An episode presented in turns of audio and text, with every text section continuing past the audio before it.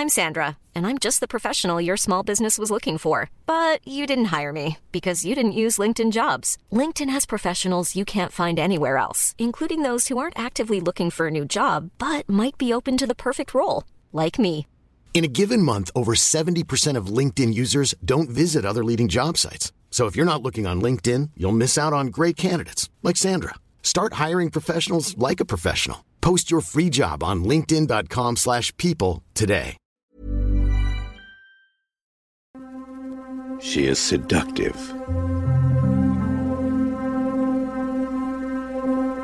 She is passionate.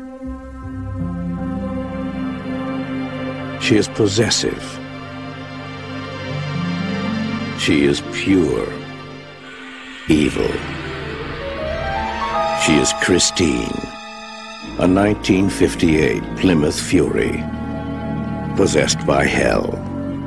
There is no place you can hide, no place you can run, and nothing you can do can stop her. Because how do you kill something that can't possibly be alive? I'm going to give the people what they want sensation, horror, shock. Send them out in the streets to tell their friends how wonderful it is to be scared to death. Välkommen till Skräckfilmscirkeln. Idag sätter vi nycklarna i låset, vrider om och låter motorn spinna när vi drar igång vår nya bil som vi döpt till ett lämpligt namn. Våra mobbare får sota för sina gärningar och det får typ alla i vår familj också.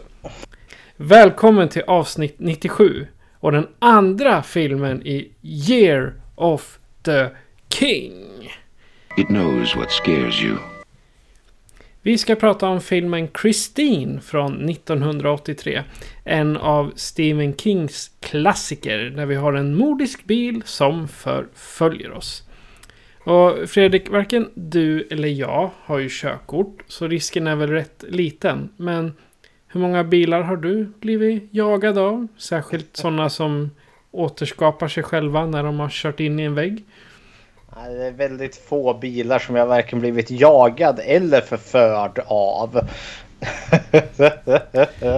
Jag har faktiskt den eh, turen jag också. Jag har inte blivit hopplöst förälskad i någon av mina bilar. Eh, som jag inte äger någon, visserligen då. Och inte någon annans bil heller för den delen. Nåväl. Hur eh, är livet med dig? För vi har inte pratats vid på kanske tre veckor kan det vara när vi spelar in det här. Ja, nej men det är bra med mig.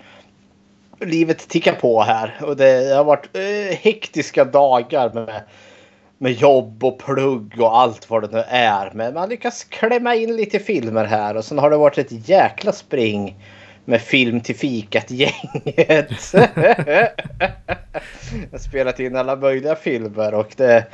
Ja, vi, vi kan inte längre liksom känna någon form av skam just att vi eh, har liksom bjudit in dem när det har varit skräpiga filmer. För nu har de bjudit in mig till liksom ena skräpet efter det andra. Jo, jo tack, jag har, jag har hört det. Jag undrar vad fan ni höll på med när jag var på semester. But I am a glutton for punishment. Så jag kommer så glatt. Jo, när det så. dinglas med filmskiten där. Då kommer jag springandes.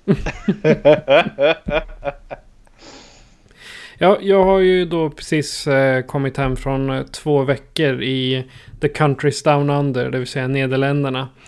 Eh, ungefär 300 meter under vattnet, höll jag på att säga. Men, men jag åkte in under vattnet ett par gånger. Eh, eftersom Nederländerna heter Nederländerna på grund av att det ligger under vattenytan.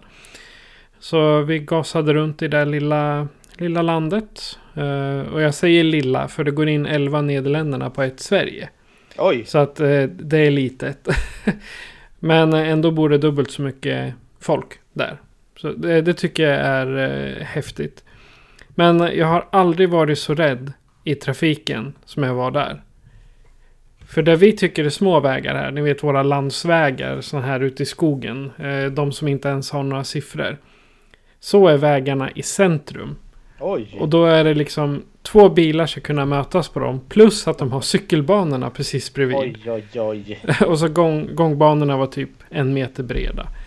Kära värld. ja. Nej, det, men det är ju... Ja, det, det, är en av sakerna till att jag är glad att jag inte åkte Att jag inte är kvar där någon längre stund. Men eh, däremot Eh, så tycker jag det är synd för det var väldigt eh, harmoniskt och lugnt i eh, de byarna som jag befann mig i. Vi var i Amsterdam två timmar tror jag totalt. Och det räckte. För det var liksom skärtorsdag och massor med folk. På, på torget, Stortorget och, eller på Storgatan. Eller vad det heter. Men jag fick se Kungliga Palatset, The Dam och ingången till Madame Tussauds och Anne Franks hus. Såg mm. jag också. Eller utsidan utav det. Uh, och tyvärr så vart det inte så mycket skräckfilm där. Ja. Så det får bli en segway till uh, uh, vad vi har sett sen sist. Så jag tänkte mm. du får börja här i Sverige. Härligt. Nej, men det har blivit en del filmer här nu. Jag har streamat en massa här. Visso. Men så jag har sett allt möjligt här. Jag följer The Moon Knight på Disney Plus här. Nya superhjältefilmen eller serien är det väl. Och det, det finns ju lite flört med skräck där. Med att de har mumier eller mumieeskt tema. Eh, jag tror nog att det är nog den som har haft mest blod av alla Marvel superhjältehistorier jag har sett än så länge. Jag har varit lite överraskad av det. Att, inte så liksom som liksom att shit vilken jävla gårfest. men tillräckligt för att jag ens ska notera det. Ah, ja. Men sen, jag har sett två genuina skräckisar här också. Eh, jag har sett eh, eh, The Dyatlov Incident eller The Devil's Pass är det väl också något som heter. Eh, det är en found footage-film baserad efter eh, ja, Diatlov-incidenten. Och det är ju en sann historia som hände 59 i, i bergen där någonstans i Ryssland vid Dyatlov-passet. Då. Eh, där jag tror det var nio stycken uh, ungdomar där som var ute och bergssteg i, i vinterlandskapet där. Och sen har någonting hänt och samtliga har dött. Eh, och det är också så här mysterier för de hittas typ enbart i sina underkläder vissa av dem och de har frusit ihjäl. Det verkar som att man har skurit sig ut ifrån insidan utav tältet. Och man har inte fått några vettiga förklaringar. Det finns mängder med liksom roliga teorier där om att allt från laviner till att någon vart vansinnig till att den ryska militären utförde hemska experiment där och gjorde slut på ungdomarna till utomjordingar eller till den förfärlige snömannen. Det finns många olika roliga förklaringar. Och den här filmen då eh, är ett nytt team, ett gäng amerikanska studenter som ska göra en dokumentär eh, om just den här incidenten som någon form av studentarbete. Eh, och så hittar de ju just den platsen och så börjar det märkligheter hända. Eh, och eh, allt möjligt spokelig spok dyker upp. Jag tyckte det var, det var lagom intressant. Eh, vi fick onekligen en eh, mer science fiction twist till det hela i den här. Eh, någon form av lite märklig förklaring till vad det var som hände där. Men ja, den var väl kul. Och den var inte så hysteriskt found footage. Eh, det vart närmare slutet med de sista överlevande när de springer i mörka tunnlar då kameran verkligen bara far fram och tillbaka så att det blir svårt att se vad det är som händer. Men det är liksom sparat fram tills dess. För det är kanske den biten jag har svårast för i found footage då det bara liksom blir en skakfest. Och jag liksom inte kan se vad, vad som är upp eller ner. Då tappar jag lite mitt intresse. Men det var helt okej. Okay. Lagom kul spooky film. Eh, är det något du har sett Patrik? Nej, faktiskt inte. Det är... Eh, jag, har, jag har hört många dokumentärer och creepypasta som Jatlow-passet. Men ja. just filmen har jag inte sett. Men känslan jag får när du berättar att det var en amerikansk film. Då tänker jag osökt på Quarantine. Quarantine Mm. Alltså remaken av spanska Rec. Ja. Är det lite samma känsla?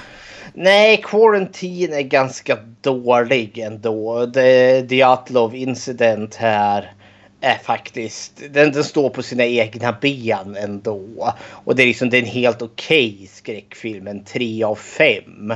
Helt okej att slå ihjäl eh, liksom en eftermiddag med. Så, eh, men det var liksom ingenting som fick huvudet att eh, gå i spinn. Men det var inte så att ögonen blödde heller. Så det är helt okej. Så skönt. Den andra jag har sett, jag har sett The Boy.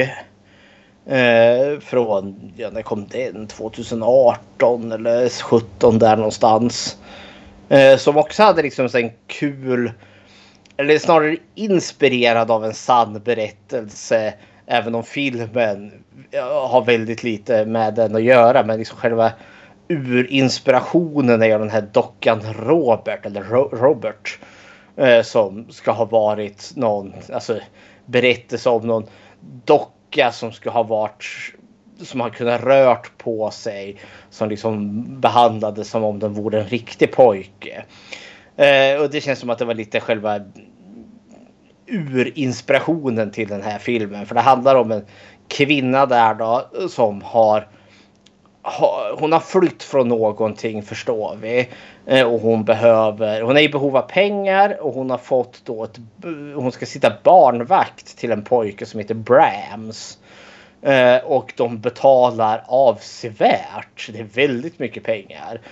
Och så kommer hon till den här herrgården som ligger mitt ute i ingenmansland. Eh, och träffar ett äldre par de är lite udda och märkliga. Och så visar det sig att pojken Brams där är ju en docka. Ungefär i samma storlek som en sexårig pojke där. Eh, och ja, vi förstår ju att det har funnits ett trauma.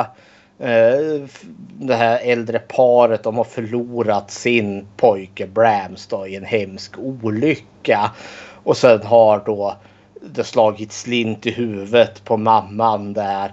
Som då har liksom adopterat den här dockan så att han liksom har blivit för evigt Brams.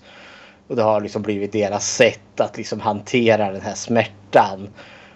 Uh, och ja, de har liksom ett enda stort spel, liksom en jätte liksom allvarlig lista som hon måste följa. Liksom Brams måste väckas vid det här klockslaget och så måste han ha mat då och så måste man göra si och göra så och göra si. Eh, för det här äldre paret de lämnar sen för de behöver liksom att hon ska passa eh, Brams dockan där. Så så ska de bort. Och hon tycker ju det här är jätte, ja, det är bara dumt. Men okej, hon är i våldsamt behov av pengar. Men så börjar ju bli det där att den där dockan. Är han vid liv eller är han inte det? För det är verkligen sådär liksom. Har dockan flyttat på sig? Eller har den inte det? Var det fotsteg vi hörde? Var det något som liksom rörde sig i skuggorna där? Och så börjar det här tvivlet liksom sätta in och så börjar det byggas upp ett mysterium där. Jag ska inte spoila den här filmen för den bygger liksom väldigt mycket på det här mysteriet den bygger upp. Eh, jag tycker att den funkade. Den var väldigt atmosfärisk, väldigt trevlig.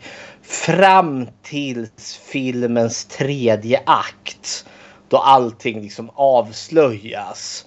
Eh, då mysteriet blir uppenbart. Vad det, så, vad det är.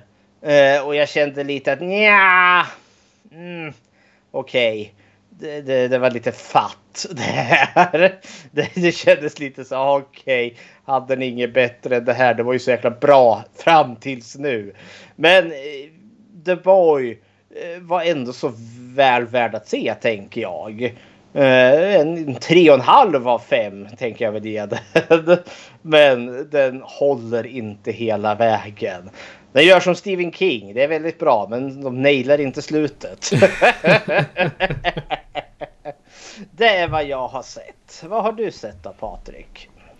Eh, jag har inte kollat på något annat än de eh, tv-serierna jag följer. Typ jag håller på med Fear the Walking Dead fortfarande. eh, Och Riverdale. Det är vad jag har tittat på. Men som jag sa förut så spenderade jag två veckor i Nederländerna med släkten och mat och födelsedagsfiranden och de tusen bilderna jag tog kort sammanlagt. Eh, Men det enda jag såg på tv då som var värt att nämna är något som jag aldrig har sett i Sverige. Och det var på påskafton. Då var det en hel stad som stängde igen. Oj, Och gjorde en modern musikaladaption av hur Jesus kors korsfästes. oj kära nån. Så att eh, de eh, gjorde alltså en musikal i och runt om en hel stad live. Oh, oj, det var inte dåligt. Så det, ja, det var rätt häftigt. Och i, eh, då har vi ju Judas och hela, ja, all, alla som är med och Mhm. burar, burar in Jesus eller korsfäster honom. Alla är med på ett eller Mhm. annat sätt. Det är korrupta poliser och det är korrupta vänner. Ehm, och i, för, för Je- Jesus blir väl dömd och en annan blir, frigiv, blir frikänd. Ja, eh, Barabbas. Ja, Barabbas ja. I, eh, I den här adaptionen. Då är Barabbas och Jesus eh, misstänkta för terroristbrott båda två. Mhm. Och Barbaras blir eh, frigiven och Jesus blir bortförd. Och Mm. sen är mu- musikalen slut. Oj. Eh, men den, alltså den här var ju, då, nu drog jag bara en kort, eh, en kort, ett kort sammandrag. Eh, den var, höll väl på kanske 45 minuter. Oj. Runt om i en hel stad med ett stort band och det var en stor kör i centrum av staden. Nu sjöng de ju och pratade på holländska så jag fattar inte allt. Men jag kände igen liksom så att jag, jag kunde få, få en uppfattning om vad det handlade om. Men det, det var i stort sett berättelsen om hur Jesus vart korsfäst. Oh, spännande. Ja, sen efter det var det midnattsmässa och då gick jag och la mig. Okej. För där, där håll, det var ju en katolsk eh, tv-kanal så de höll ju mässan på latin. Ja. Jag, inte, jag hade inte varit kvar även om mässan hade varit på holländska eller engelska Mm. heller. Så. Men det var jag liksom kunnat titta på, förutom Christine då som jag kunde titta på i, igår kväll. Det var liksom, innan dess har inte jag haft ork eller lust att kolla på film. Så. Men men. Allt är som det brukar vara då. Mhm. Vi har pratat Stephen King i eh, ett par av de tidigare avsnitt. Eh, För drygt tre år sedan tror jag det var. eh, Pratade vi Stephen King första gången.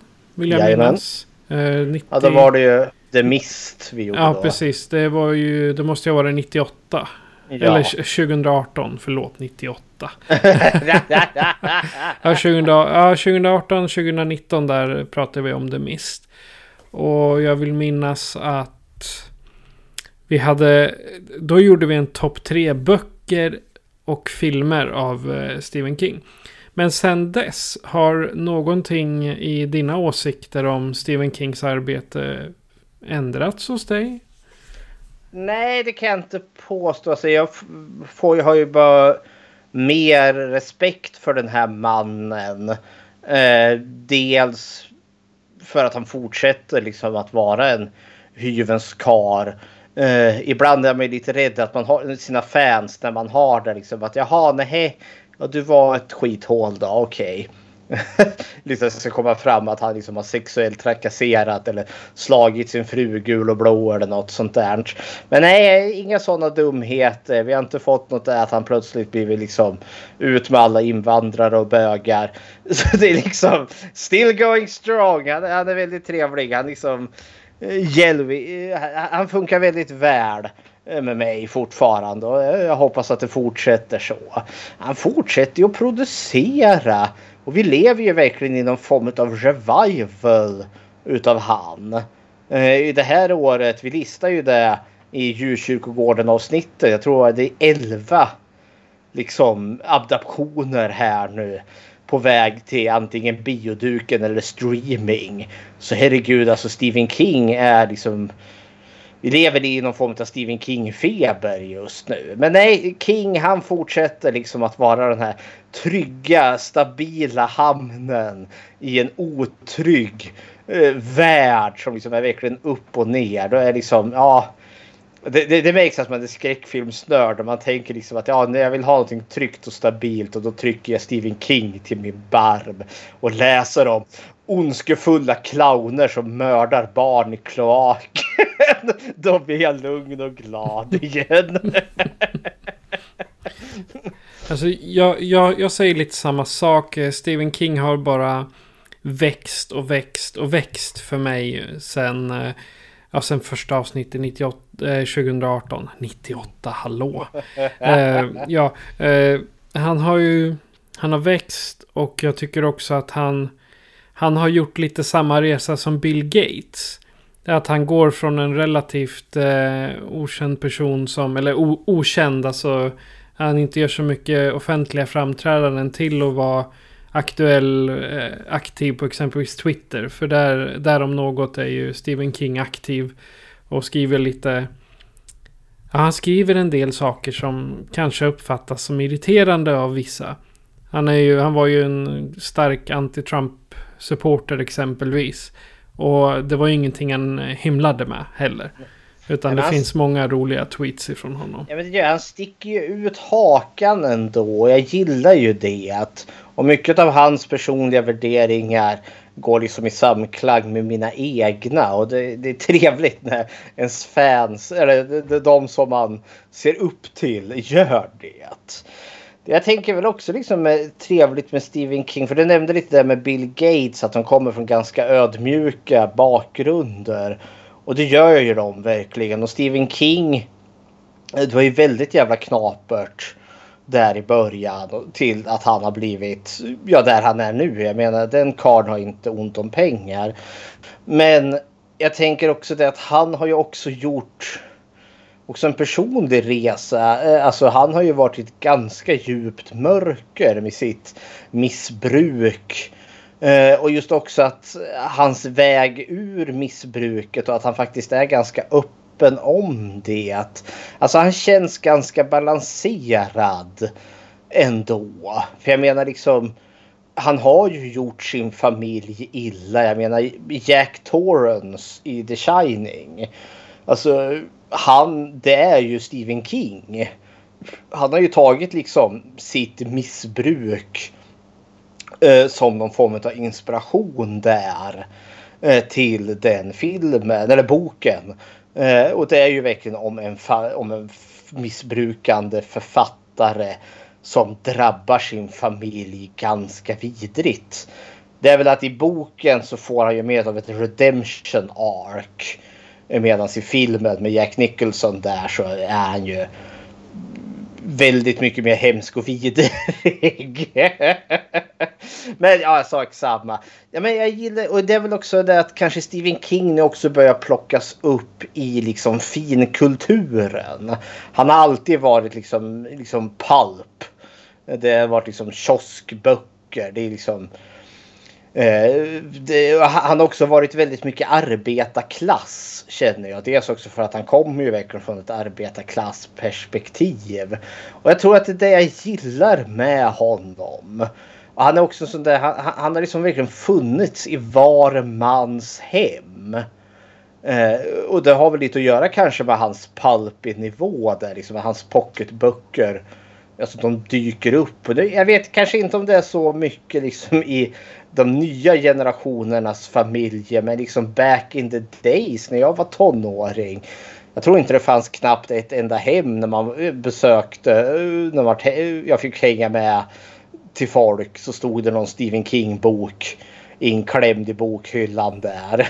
Det kan ju jag som har jobbat många år med att tömma dödsbon. Mm -hmm. Det kan ju jag stämma in. Att eh, även folk som är födda 40-tal, 30-tal och som går bort i 80-årsåldern. 80 där hittar man Stephen King-böcker. Jag kan tänka mig det. Jag tänker att det är lite samma sak som jag tänker med Alfred Hitchcock. Han gjorde ju sig lite folkkär med den här Ja, dels att han blandade sig i sina egna filmer. Han dök ju alltid upp som en cameo i de flesta av sina filmer. Och sen den här Alfred Hitchcock Presents, den här tv-serien där han alltid är med i början där och säger något lite makabert och roligt. Jag tror Stephen King gjorde lite samma sak. Han var liksom i, eh, vad heter det, han, han befann sig liksom i i det allmänna blickfånget. Och det tror jag gjorde honom folkkär också. Men sen också just det att han är inte någon jävla dagslända. Liksom. Han är inte månadens smak, nyhetens behag. Han har någonting. Han har en sån jäkla förmåga att lyckas fånga det här djupa mänskliga. Liksom hans, när man läser hans böcker då har man ju verkligen lärt känna karaktärerna i dem både liksom de goda som de onda karaktärerna. Det, det är kompletta liksom, och komplicerade människor. Det är liksom sällan det är liksom bara någon pastisch eller någon stereotyp utav utan det är liksom genuint genuina människor med komplex och lager till sig. Och det tror jag är det som liksom eleverar Kings verk från att bara bli något så här pulpigt skräcklitteratur. Jag menar Christine som vi ska prata om. Den handlar ju om så mycket mer än en ondskefull bil som mördar folk. ja, så också. Jag kan tipsa här om en podd. Nu har varit lite nostalgisk här kring Stephen King och det finns en podd som heter The Kingcast. Som gör ungefär lite samma saker. De två jag tror de är manusförfattare eh, i Hollywood. Eh, och de har liksom då enats utifrån sitt intresse av just Stephen King. Och de bjuder alltid in någon. Antingen en skådespelare, regissör eller någon som, som arbetar liksom i, i Hollywoods värld. Eh, och så pratar de om Stephen King. Och gästen har ju då alltid fått valt ett verk. Eh, som de vill prata om. En bok eller film där. Eh, och det är lite intressant för det blir lite inblick i liksom själva filmskapande processen. Men de har alltid med den här biten. När träffade du Stephen King för första gången? Alltså när var din origin story? Vad var din introduktion? Och det är alltid så intressant för det liksom det blir alltid så jäkla nostalgi tillbaka för de flesta är liksom likadana. De var liksom alldeles för unga och så hittar de någon av de där böckerna med det här groteska omslaget som bara fångar dem och sen, sen var de hooked. Jag har en tanke att under i år när vi har gäster då kanske vi ska ställa den frågan. När träffade du på Stephen King första gången? Det kan ja, ju alla, alla gäster få, få svara på när, när, vi, när vi har dem på. För det, jag vet med mig att det kommer åtminstone två eller tre gästspel mer innan, innan året är slut. Så mycket vet jag. Ja, men eh, väldigt bra tips på den där podden. Eh, väldigt tacksam, eh, tacksamma teman kan jag tänka mig att prata om Stephen King-filmer. För det är ju så himla, det finns ju så många plus att det är så mycket skådespelare som har varit inblandade. Ja, men det är så svårt att undvika Stephen King när det gäller skräck. Ja, kultur, kultur överlag tänker jag. Ja. Men det är också det som är så fascinerande med Stephen King. För vi har ju verkligen det här som är genuint bra. Men vi har ju också Stephen King som är genuint dålig. Jo tack. vi har inte riktigt varit inne på Stephen Kings dåliga verk. Ännu, men vi får väl klämma några sådana här framöver också för att få lite balans här. det kommer. Ja, det. Men då så, då har vi snackat lite King. Mm -hmm. Och eh, apropå det då så är det dags för King-film. Jajamän. Och vi ska se filmen Christine från 1983. Mm. Eller Christine, Djävulens bil, som den heter på, på svenska. Ja, så här kommer en trailer. That's a piece of shit, Arnie. She could be fixed up. She could. Yeah, well, she could be really tough. Her name's Christine. I like that. You can't buy a car. What in the world are you talking about? You're 17 years old. Oh, boy. You could have consulted with us. I consulted with you about every damn thing I've ever done. I mean, everything in this house is a committee meeting, and if it's something I want, then I get outvoted two to one. You are not keeping any car at this house. Fine. You're on probation. You get it? You screw around with me one time, I don't care how much money you paid up in front, I'll throw you out in your ass. You got it? Maybe it's just that for the first time in my life, I found something that's uglier than me. When we signed the registration papers at town hall, they told us the man who owned that car last died in it. So what if you, fix it up, you know, and he just comes back and does it again? He won't do it again. Somebody saw your car cruising behind Buddy Repperton last night. He's dead too. So are Don Vandenberg and Richard Trelawney. Guess nobody'd be trashing your car anymore.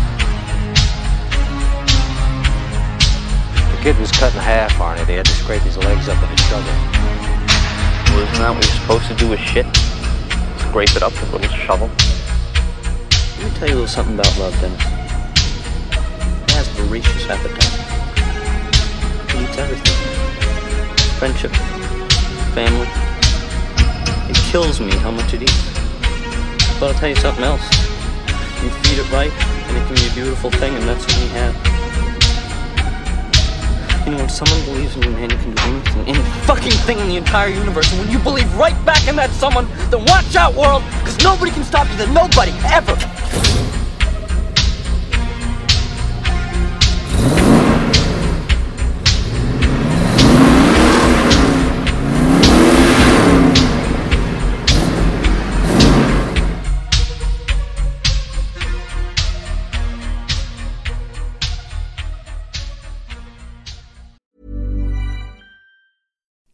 You like to look five years younger? In a clinical study, people that had volume added with Juvederm Voluma XC in the cheeks perceived themselves as looking five years younger at six months after treatment. Look younger, feel like you. Add volume for lift and contour in the cheeks with Juvederm Voluma XC. Reverse signs of aging by adding volume to smooth laugh lines with Juvederm Volure XC. For important safety information and to find a licensed specialist, visit juvederm.com. That's J U V E D E R M.com. Not for people with severe allergic reactions, allergies to lidocaine, or the proteins used in Juvederm. Common side effects include injection site redness, swelling, pain, tenderness, firmness, lumps, bumps, bruising, discoloration, or itching. There's a risk of unintentional injection into a blood vessel, which can cause vision abnormalities, blindness, stroke, temporary scabs, or scarring. Talk to a licensed specialist to find out if it's right for you. Millions of people have lost weight with personalized plans from Noom, like Evan, who can't stand salads and still lost 50 pounds. Salads, generally, for most people, are the easy button, right? For me, that wasn't an option. I never really was a salad guy. That's just not who I am. But Noom worked for me. Get your personalized plan today at Noom.com. Real Noom user compensated to provide their story. In four weeks, the typical Noom user can expect to lose one to two pounds per week. Individual results may vary. När mobbade tonåringen Arnie köper rosthögen Christine för 250 dollar trots kompisen Dennis protester blir det början på ett nytt liv för honom. Bilen restaureras till nyskick och plötsligt får han självförtroende. Får till och med dejta populära Lee. Men i Christine visar det sig finnas en alldeles egen vilja. Det är plotten till filmen Christine, eller Christine, Djävulsbilen, eller vad sa jag, Djävulens bil, från 1983. Eh, Fredrik, vad är dina initiala tankar till det här Stephen King-verket? Ja, eh, Christine. Det är ett av Stephen Kings tidiga verk ändå. Eh, och det här var ju också en sån här bok som alltid stod i hyllan. Eh, jag kommer ihåg att jag tyckte omslaget på boken var ganska häftigt. För det är liksom bilden utav, alltså det är bara namnet Christine snett i bild och sen i som är ovanför, eller ja, pricken som är ovanför i är egentligen en dödskalle. med typ fartränder som går bakom sig. Och det tycker jag det var alltid lite, lite minnesvärt. Det fastnade. Eh, jag såg filmen kanske för första gången för typ 15 år sedan. Eh, och jag kommer ihåg att ja, men jag tyckte om den men jag trodde att den var censurerad. Eh, alltså att man hade klippt bort en hel del av våldet. Dels också för att ja, det var ju inte orimligt att man gjorde det. Eller ovanligt att man gjorde det här back in the days när det här begav sig. Men sen har jag förstått i efterhand att den är ju inte så den är inte censurerad. Den är inte så våldsam alls den här filmen. Eller ja, våldsam är den men den visar det inte. Du får inte se morden i Gore Glory i den här filmen.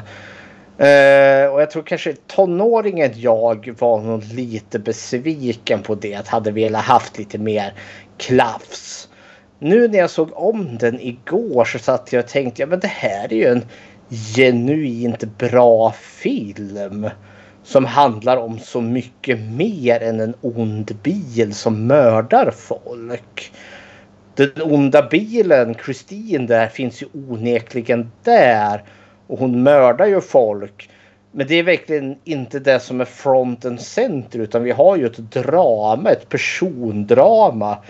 Liksom väldigt karaktärsdriven historia här. Om vänskap och kärlek, om att växa upp. Eh, och ja men, att, ja men att vilja någons väl men att se att den här personen håller på liksom att gå en väldigt dyster väg. Ja, det fanns förvånansvärt mycket djup så jag tänker nog villigt säga här att ja, jag var väldigt positivt överraskad av Christine här. Eh, men ja, det är mina initiala tankar här kring Christine. Vad är dina tankar? Ja, eh, Christine det är en skräckhistoria. Fast utan spöken eller monster. Mm -hmm. Och med ganska, ganska begränsad gore. Mm. Och jag skulle säga att av, till skillnad från barnprogram så tycker jag det är lite ovanligt att en bil är stjärna i filmen. En väldigt svartsjuk, svartsjuk och hämndlysten bil för mm. övrigt. Eh, det låter dumt eh, om man inte har sett filmen. För det är liksom, jag, jag försökte förklara den här filmen för min mor. Ja, ja men vi, vi ska prata om Christine i, på, i podden ikväll. Jaha, sa hon. Är det någon, eh, är det en skräckfilm? Ja, jo det är det. Jaha, är det någon eh, demon eller? Nej, det är en besatt bil. Det vart bara tyst. Ja. Okej. Okay. Gör, gör det du liksom. ja, nej men själva, själva tanken med att det är en besatt bil eller en djävulsbil, djävulens bil. Man kan eh, teorierna är ju oändliga om vad det, är, vad det egentligen är som finns i bilen. Och den här såg jag första gången kanske 97, 98 någonstans där. Och ja, det var väl... Eh, ja, jag gillar inte den då. Det var liksom, den var för tråkig. Det var en bil som betedde sig konstigt. Jag tror, jag förstod nog inte riktigt djupet av den egentligen. Uh, men, uh, och sen tyckte jag, som nu när man har sett den på senare år. Bilen är liksom inte bättre än någon annan. Och sen ska jag säga bara innan vi börjar prata om karaktärerna. Jag gillade inte något av gymnasieeleverna. Som var över 30 år allihopa när det, när det här producerades. Så att jag tror att jag såg en censurerad version eh, rent språkmässigt. För mycket av eh, det här fula språket som jag såg i den nuvarande, på den nuvarande DVDn. Det fanns inte med på den tv-versionen jag tittade på. Så att det är en bil, 50-talsmusik, en relativt vrickad historia det, gör, det är sevärt. -hmm. Men eh, man, man måste gå in med ett öppet sinne eller vad man ska säga. Ja, det, det, är en märklig film på det sättet. För just själva konceptet. En, en ond och svartsjuk bil som mördar folk. det, alltså, det är verkligen B i, i sitt koncept. Eh, och liksom, ja men onda ting som mördar folk. Det finns ganska gott om sådana filmer. Men alltså den här har något extra. Så det är egentligen mer utav ett drama. Mer än vad det är en skräckfilm. Även om det onekligen finns skräckeska drag i den. Jag tänkte, jag har mycket att säga om det. Men om vi kan segla in på karaktärerna. För mycket av, mycket av de sakerna ligger under den punkten. Det gör ju det. För som sagt, det här är en väldigt karaktärsdriven eh, film. Och vi har ju tre huvudkaraktärer. Fyra då om vi räknar med Christine. Hon kommer onekligen under hotet. Ja. Och våra tre karaktärer är ju Arnie, Dennis och Lee. Keith Gordon, John Stockwell och och Alexandra Paul. För att vara. Ja. Vem av dem vill du börja med? Jag tycker vi ska börja med Arnie eller Keith Gordon. Mm. För han, han... Jag kände inte igen skådespelarnamnet. Eller jag kände igen namnet. Men jag såg ju sen att han har regisserat en hel del. Uh, istället. Efter att han lämnade sin skådespelarkarriär. Så att han har eh, x antal tv-serier eh, som han har regisserat. Det var allt. Men jag tycker Arnie, han är... Jag kunde nästan se mig själv i honom. För så här töntig som han var, det var liksom mitt mellanstadie jag. Jag, var, jag var liksom inte den här tuffaste killen i klassen direkt. Visst, jag hade min egen karisma men inte i skolan. Mm. Det mhm. var något man hade hemma. Och sen nu, ja men alla, alla ser ju hur charmig jag är idag. Liksom. Tjejerna klänger på mig. Jag förstår. ja, um. There are far worse things waiting man than death. Ja, så tänker de. Uh, I alla fall, hans resa från att vara den mobbade mobbade tönten till att bli den här coola killen. Eller i alla fall som han tycker själv. Den coola killen med läderjacka och utan glasögon. Liksom. Och sen dejtar han pluggets snyggaste tjej också. Liksom. Ja, den, han gör en resa, tycker jag. Från, mm. från botten till toppen, så att säga. Ja. Och det går ju också över. Alltså för det blir ju Arne en väldigt sympatisk karaktär. Eller det är lätt att sympatisera med honom. Åtminstone i filmens början. För han är så jäkla utsatt. Han är ju verkligen den här jättetunten. Men också liksom, han, han är lite socialt tafatt. Eh, och liksom, han, han har det inte allt förspänt för sig. Men det verkar vara en snäll men något eh, nördig och tuntig kille. Eh, men jag kan också känna hans utsatthet och just den här.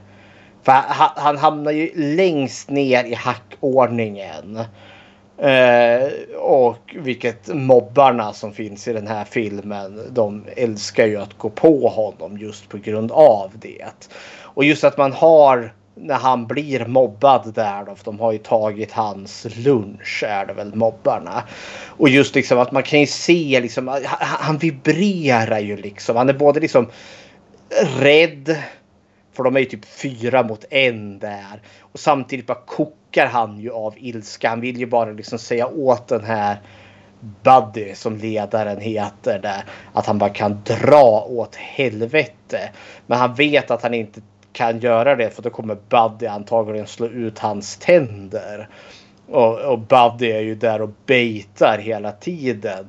Men just det där att vara så liksom så hjälplös och liksom så maktlös. Liksom jag förstår känslan. Och sen har han en ganska, vad heter det, beskyddande familj också.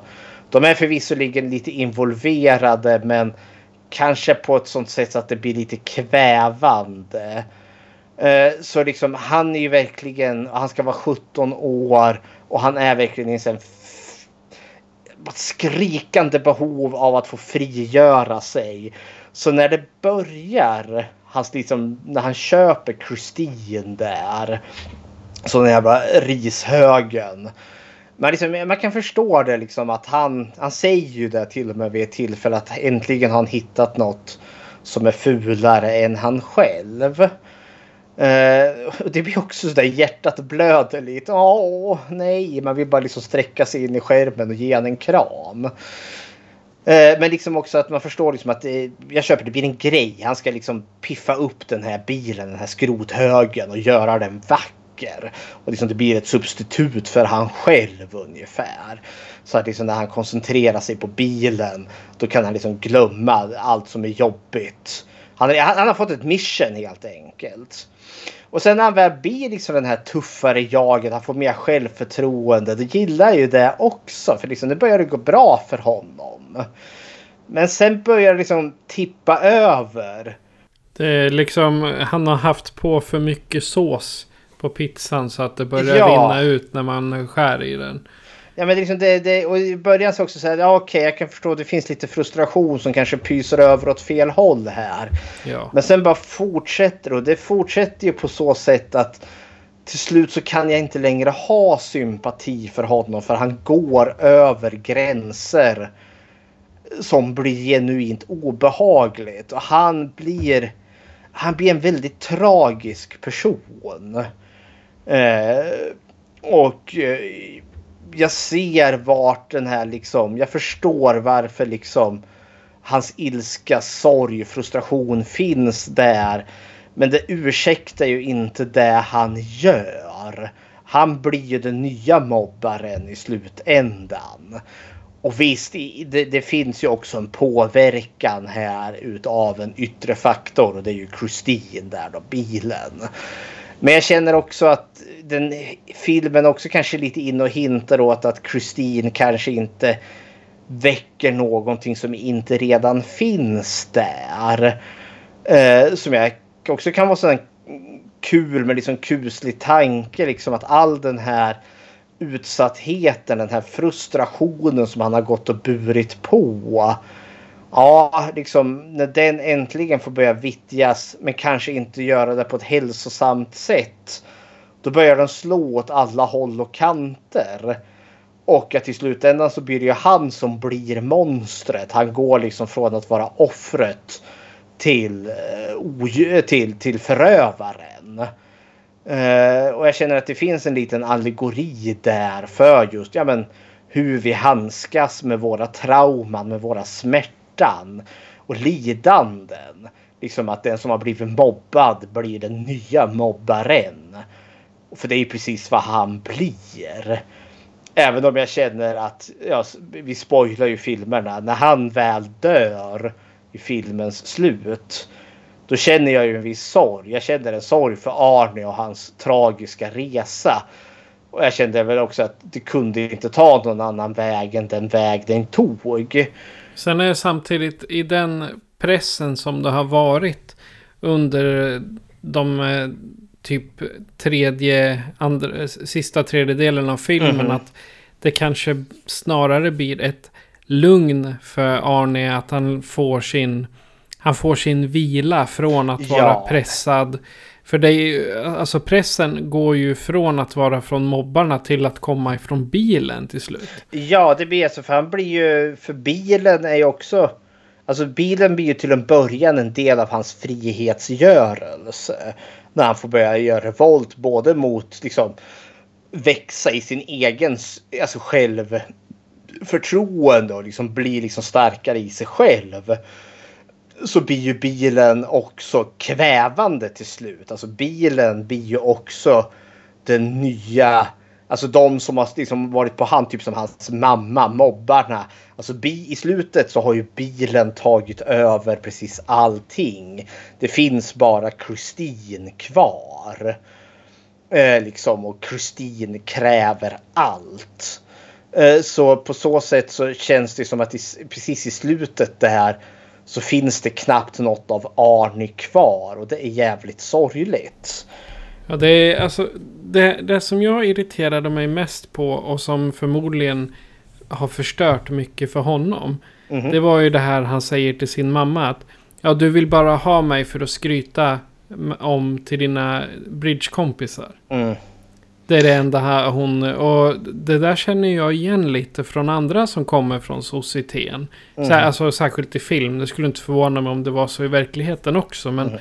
alltså eh, de... Barnen är där för att synas, inte för att höras. En väldigt Ja. klassisk. Och det är väl det, det fallet mamman eh, vill att Arnie ska vara. Han ska vara där, han ska studera bra, han ska få bra utbildning. Tjäna pengar åt mamma och pappa. Och så hon kan skryta. Min son gör ditt och datt. Ja. Men han vill eh, leva sitt liv som en eh, ungdom. Liksom komma framåt. Jag, jag tänker det att, eh, för jag upplever inte kanske att vi rör oss i någon form av överklass här, men vi rör oss i någon form av medelklass i alla fall. Ja, Mamma Och- vill väl känna sig som överklass. Hennes bridgekompisar är väl hennes Ja. allt. Men jag tänker också för Arnie som han är i början. Det är, liksom, det, det är en väldigt skötsam, snäll ung man som är väldigt intellektuell. Han har liksom en väldigt lovande akademisk karriär. Så jag tror liksom också som att förälder så har man ett väldigt stort framtidshopp där och tro. Sen när den här rebelliska sidan kommer. De är ju inte uppmuntrande alls. Det är det som är så jävla jobbigt. Att de inte kan se hans behov till den här friheten. Eh, och liksom att han kan få bli sin egen person. De vill liksom ha Arnie som de alltid har haft han. De vill ha den här lilla glasögonormen. Eh, som gör något. Men sen, sen vart efter Arnie blir liksom mer besatt utav bilen. Så blir ju han genuint elak i slutändan så har vi ju en ganska jobbig scen där i matbordet. Där han mobbar sin familj. Alltså han mobbar sin mamma och sin pappa. Eh, alltså han bara trycker ner dem i skoskaften. Morsan sitter och gråter. Farsan blir arg. Men han liksom tar ett stryptag och bara trycker upp pappan mot väggen där. Och liksom visar sitt våldskapital. Och man liksom inser liksom att han han liksom, nu är det han som går omkring här och liksom styr den här familjen med rädsla. Liksom sonen där. Jag måste liksom sätta mig in i föräldrarnas perspektiv. Visst, de har varit stränga och strikta. Men de har alltid varit kärleksfulla. Har de det? Ja, men jag tror det. Alltså, den bilden jag får är inte av ett... Jag får en bild av en strikt familj. Strikt på det sättet att de har onekligen gjort honom en otjänst. Med att inte liksom kunna få växa i sig själv. Men jag upplever dem inte som en... Alltså som en... Eh, som ett föräldrar som inte bryr sig om sin son. Eh, jag, jag upplever dem som kärleksfulla men vi- får inte så jättemycket tid med dem om jag ska vara ärlig. Men det gör ingenting för då hade själva skräckdelen utav filmen totalt försvunnit. Ja, men jag satt och tänkte vilket jävla helvete det måste ha varit det närmare slutet utav den här filmen. Liksom att bo i samma, alltså i, att bo under- i samma hus med Arne. Eh, för jag tänker liksom att det går ju, Arnes resa här i den här filmen kan man ju tolka på väldigt många olika sätt. Dels den här frihetsrörelsen som går för långt eller han tappar all kontroll. Men man kan väl också se hans besatthet till Christine som en form av allegori för ett missbruk. Eller liksom en nedstigning i psykisk ohälsa. Eh, Eller en kombination av både och. Eh, För det, det, det är ju verkligen ett tema utav förändring i den här filmen. Och inte då kan- till det bättre. Nej, och det är väl just det. För det är förändring verkligen på gott och på ont. Och det som börjar bra går över och blir någonting värre. För det är ju inte bara hans familj som drabbas utan hans vänner drabbas ju också. Och liksom oskyldiga som bara råkar vara i närheten drabbas också. För jag menar det här liksom. Det blir liksom ett svart hål som slukar alla som kommer för nära. Ungefär. Så det, ja, det, det är Arnie det. Bara du. Och han, eh, vad hette han nu skådespelaren? Eh, ja, Han heter... eh, Där, Keith Gordon. Keith Gordon. Jag ser som du, jag har inte sett honom. Alltså det är inget bekant ansikte för mig. Han har nästan bara gjort tv, tv-filmer annars. Så att han, han blev nog inte så mycket mera efter den här. Jag kollade på lite så här bakom material till den här filmen och de hade medvetet valt okända skådespelare till den här filmen. Han var ju med i Hajen 2. Alltid något.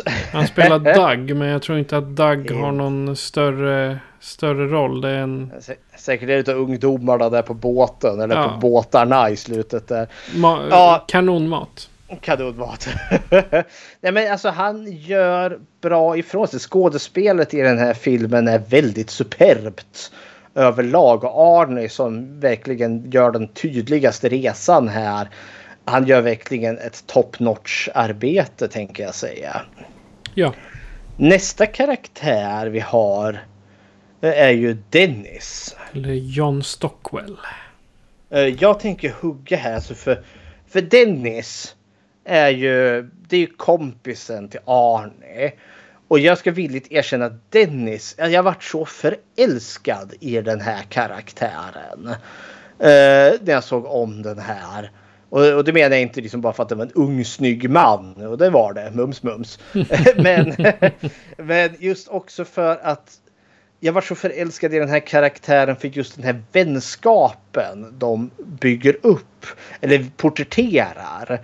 För vi förstår, alltså filmen förklarar ju inte riktigt varför de är vänner. De bara är det. Eh, och har väl säkert varit så sedan urminnes tider. De är verkligen bästa vänner. Eh, men Dennis fungerar väl också lite som någon form av storebror till Arne också. Och Dennis han är ju verkligen, alltså han är ju fotbollskille. Eller vad är det de spelar? De spelar rugby. Amerikansk fotboll. Ja, och han är liksom stjärnan i det här laget. Så han är liksom det stora hoppet. Så han är populär, han är snygg. Tjejerna bara trånar efter honom. Vi har ett litet running gag där med. Han är ju han är jätteförtjust i hon Lee. Eh, men det finns en annan, liksom en blond tjej som liksom, oh, går och flörtar med honom hela tiden. Han ser henne aldrig. Det är liksom, jag tycker synd om henne. De bara, nej. Ja, men, eh, nej, men jag gillar just för han som exempelvis när Arne eh, eh, håller på att bli trackad utav mobbarna där så kliver han in eh, där och liksom så naturligt går i försvar. Och just också alla de här stunderna då de sitter i bilen i början i, i Dennis bil eh, och pratar om olika saker. Alltså, eh, för det, det blir känslosamt. Exempelvis där när Arne säger att äntligen har jag hittat något som är fulare än mig själv. Och direkt liksom är ju Dennis där. Nej men du är inte ful. Och liksom man känner liksom att det finns den här liksom djupa liksom respekten liksom för han. Han, han älskar ju verkligen Arne som sin vän. Och jag känner liksom att vi, vi är inte bortskämda med den här porträtteringen utav manlig vänskap. Eh, som inte är på något vis och vänster liksom sexuellt kodad eller något sånt. Utan det är liksom två unga straighta män som är då genuina vänner där det ändå finns en känslomässig connection. Eh, det är liksom känslan för, ja men det, det är svårt att beskriva det men det, det är inte den här liksom bro machomännen där då som liksom har sin respekt i varandras testosteron och manlighet. Det är inte den här. Det är ingen tänk- bromance. Det är ingen bromance. Det är ingen den här jag tänker i, i introduktionen på eller början på eh, Predator, rovdjuret. Den Arnold och han- den andra bandet. Den här eh, Dyson eller vad det heter. När de möts där och bara kommer fram och så bara klatschar de hand med varandra. Liksom jävla brofist och bara spänner musklerna. Man bara ser bicepsen är stora som basketbollar där. Liksom bara oh, vi är sådana stora starka manliga män. Men här är de inte det. Och de är också ett udda par. Ja men det är den coola killen och tönten. Ja, Och det har ju, alltså i ungdomsfilmerna längre fram så är det en relativt vanlig trop. Jag menar den populäraste tjejen på skolan har sin duff. Alltså designated ugly fat friend. Det, det, det finns en film som heter Duff. Den är, Ja. den är inte särskilt bra men den är underhållande. Eh, apropå ingenting. Men ofta så är det att den snyggaste på skolan har en ful sidekick. Eller vad man ska säga. Och då säger jag inom stationstecken ful. För fulhet ligger i betraktarens ögon. Eller skönhet ligger i betraktarens ögon heter det ju. Vilket eh, ofta på film är att den snyggaste tjejen på skolan har en hangaround eller en bästis som inte ser särskilt bra ut. Men är trygg i sig själv istället. Och i det här fallet är det tvärtom. Det är den snygga killen som är trygg i sig själv. Och den fula killen som är väldigt ängslig istället. Mhm. Ja, och jag, återigen, alltså han Dennis där. Eh, och det var en enormt lovable character för mig. Dels också för liksom att han, han porträtteras inte heller som helt och hållet perfekt. De, vi förstår liksom att när den här filmen inleds så har höstterminen precis börjat. Sommarlovet har tagit slut. Eh, och eh, han hämtar Arne där. De ska åka till skolan. Och så säger han eh, We have to get you laid. De måste få, eh, Arne måste förlora oskulden här. Och det är också lite så här, ja men det är, det är så en typisk filmtråp liksom unga män som blir av med oskulden där och vi tolkar väl att Dennis där då han har nog med största sannolikhet varit sexuellt aktiv som liksom kapten för fotbollslaget som är populär där då. Han har garanterat haft några flings där men Arne har inte det.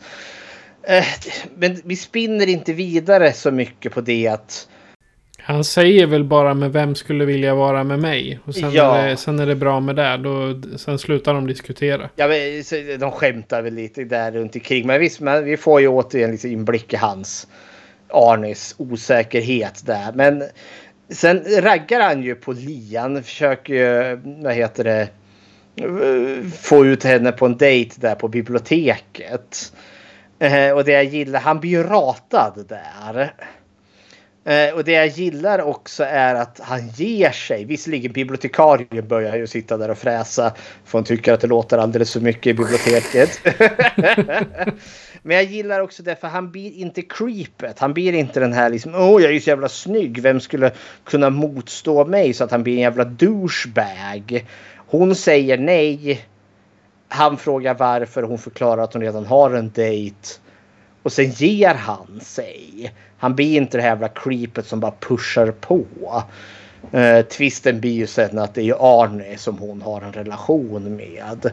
Men jag gillar det också liksom att han, han verkar vara en väldigt skön kille överlag. Han är sympatisk. Det är väl det. Han är väldigt sympatisk. Eh, och jag, liksom, jag vill gärna se mer sådana här eh, porträtt utav eh, unga män i film. För att som oftast är det verkligen Douchebro som man får och han är allt annat än. Och just också att själva huvudkonflikten är inte att han ska rädda Lee från Christine.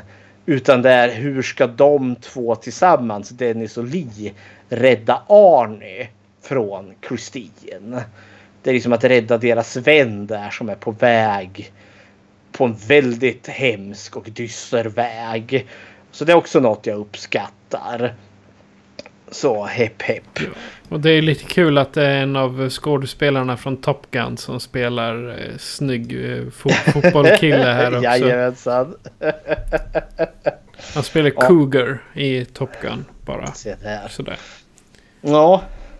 Har du något mer att anmärka om Dennis? Nej, jag tycker det, det är nog den bästa karaktären i den här eh, filmen kan jag tycka. Arnie har en intressant resa.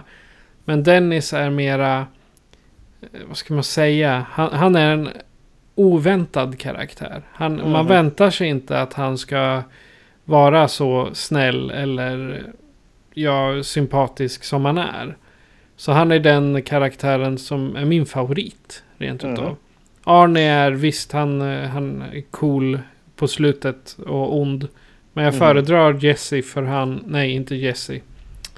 Dennis. Dennis, precis. Jag säger Jesse. Ja, den, jag föredrar Dennis eftersom han är den som alltid står kvar vid sidan av. Han försvinner visserligen ut ur berättelsen en ganska lång tid här. Men det blir ju för han, han bryter ju benet. Eller knät går åt skogen. Något som förstör hans fotbollskarriär och Kristin kan ha något med saken att göra. Eh, men visserligen blir det också för att det, det partiet då blir det mycket mer fokus på Arne och hans stigande besatthet till Kristin.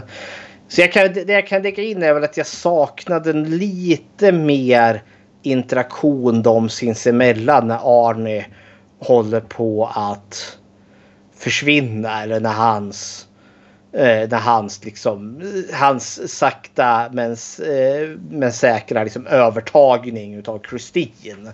Så jag hade, önskat lite mer däremellan. Det är väl det enda. Jag har för lite utav Dennis i den här filmen. Gör en spin-off med bara Dennis. ja. The Dennis Chronicles. Det blir väl uppföljaren här då när, Ja.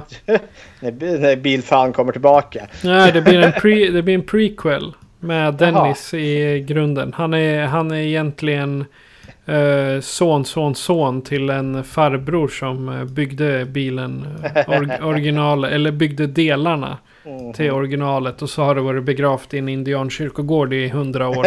Så, så lite lagom långsökt. Jajamensan. Våran sista karaktär då, Lee. Alexandra Paul. Ja, vad tyckte du om Lee i den här filmen? Ja, det första jag såg när jag såg Lee var Baywatch. Ja, och det är Baywatch. Ja, och Melrose Place. Eh, jag tänkte Baywatch, ja, 100 avsnitt i Baywatch. Mm. Eh, där kände jag igen henne eh, ifrån. Och det var typ allt. Men jag har tittat lite på hennes serier och filmer och sånt. Och det är ju en del relativt kända som är med. Men hon, hon spelade med i eh, Perry Mason, tre filmer och LA Firefighter, sådana här riktigt gamla klassiker. Melrose Place, eh, Diary of a Sex Addict tydligen. Mm. Ja, men det känns verkligen som att hon jo- gjorde liksom tv showsvägen. Hon, hon var inte direkt filmskådespelerska utan hon, hon gick in i, i television istället. Ja, hon har fyra filmer på gång just nu. Det var inte dåligt. Nej. Men hon, hon är den här... Eh, hon skulle kunna vara en final girl om det bara handlade om henne. Skulle jag Ja. säga. Så att hon är lite som Jamie Lee Curtis. Eller eh, vad heter hon? Nancy i eh, eh, Nightmare on Elm Street. Hon har lite samma karisma där också. Hon är liksom den tuffa tjejen som inte säger att hon är tuff. Eller vad man ska Mm. kalla det. Hon, eh, hon, eh, hon bara är. Alltså, Mhm. Och hon tar inte skit heller. Nej, hon får ju visserligen den final girl-tropen att hon börjar ju misstänka att bilen, Christine, är liksom roten till det onda. Och visserligen hon blir utsatt för ett mordförsök utav Christine också. när han försöker kväva henne i, i bilen där.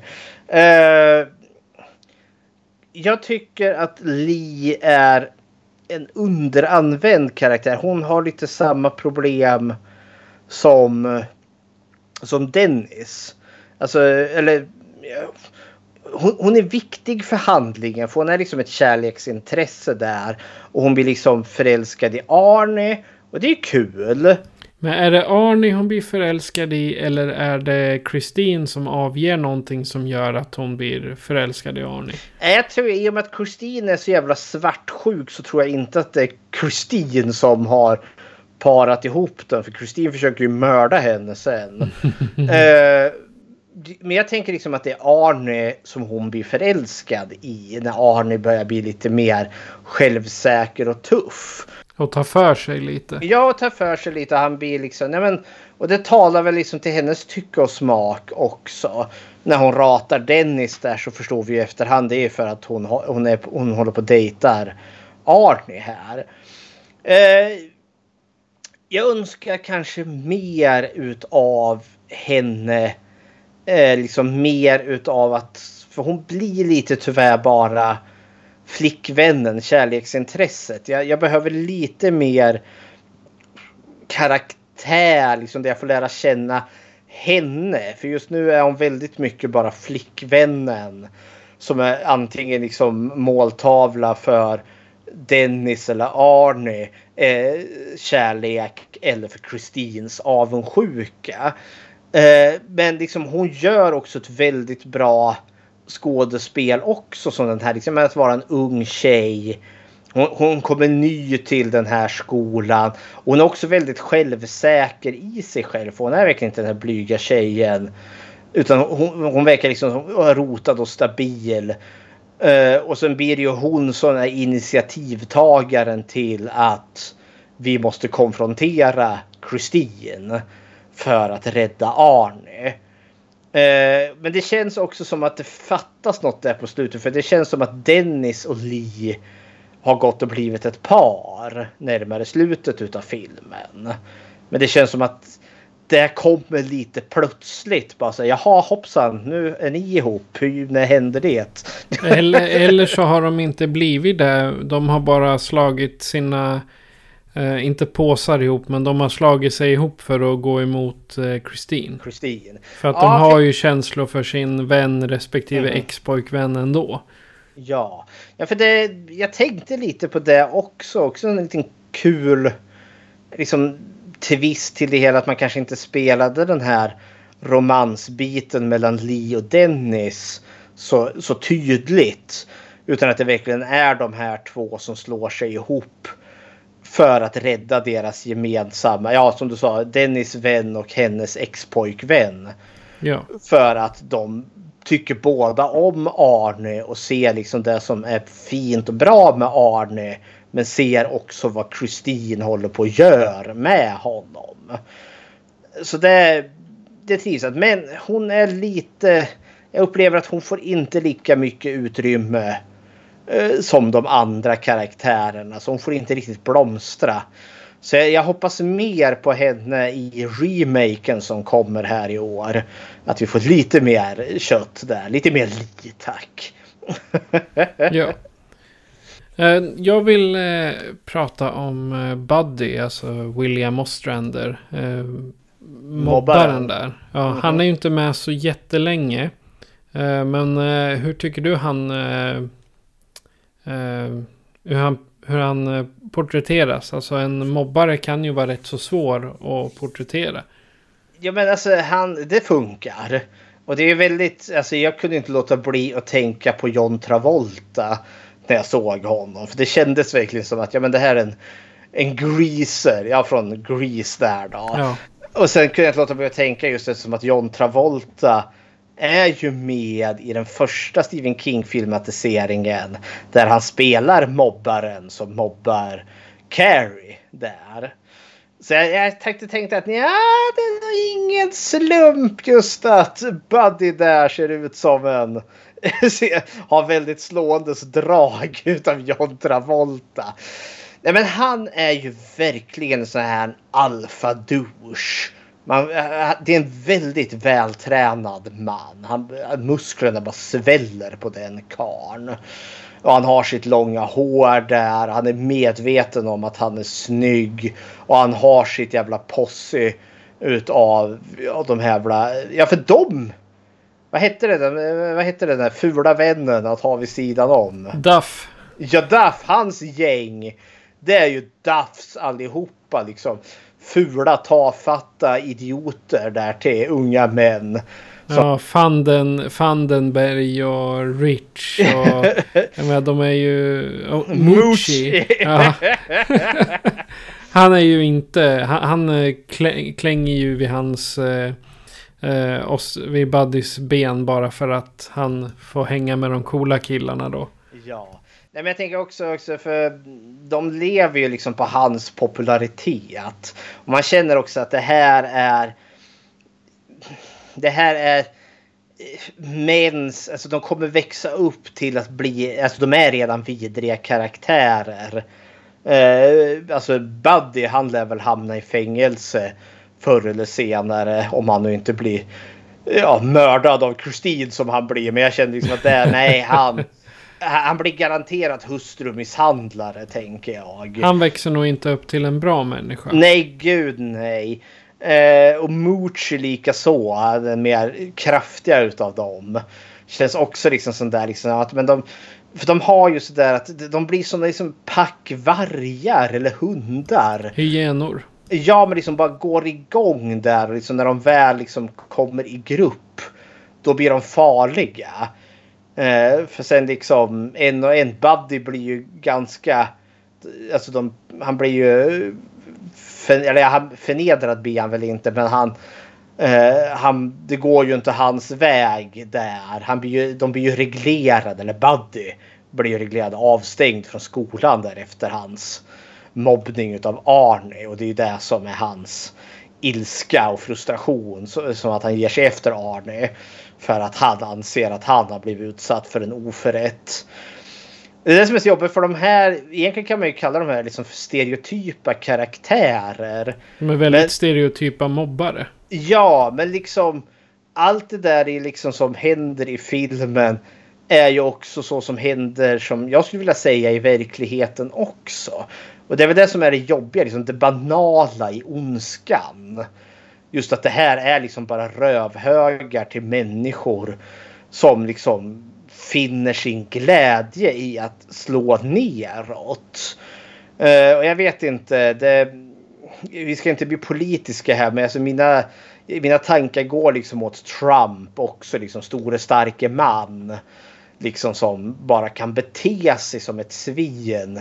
Men liksom i, i, i, i, långa loppet eller så är de bara väldigt små ynkliga män.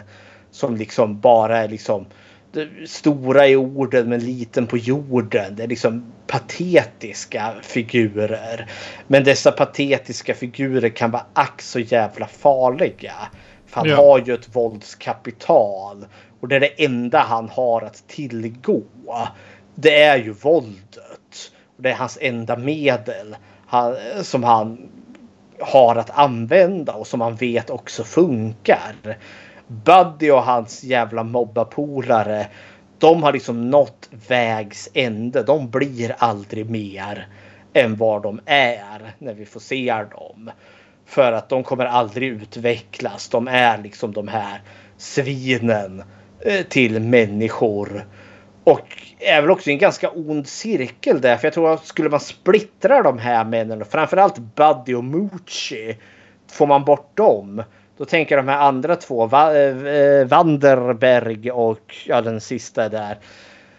De kan nog liksom få liksom vettiga, liksom, eller bli mer vettiga människor. För de blir liksom mer hangarounds. Ja, det är som jag, som jag sa, det är mera de hänger kvar hos Buddy bara för att han bara för att han råkar vara lite mer populär. Och för att de liksom ska känna sig sedda. Och de tror... märker ju inte att det enda Buddy gör är att utnyttja dem. Ja, men han behöver ju dem här. Han behöver sitt posse. Han Buddy... behöver bekräftelse. Han behöver ju det. Och eh, Buddy är väl alltid sådär som behöver sitt hang around för att liksom för han behöver hela tiden ha bekräftat att han är en jävla alfahanne. Att han är liksom den största och coolaste.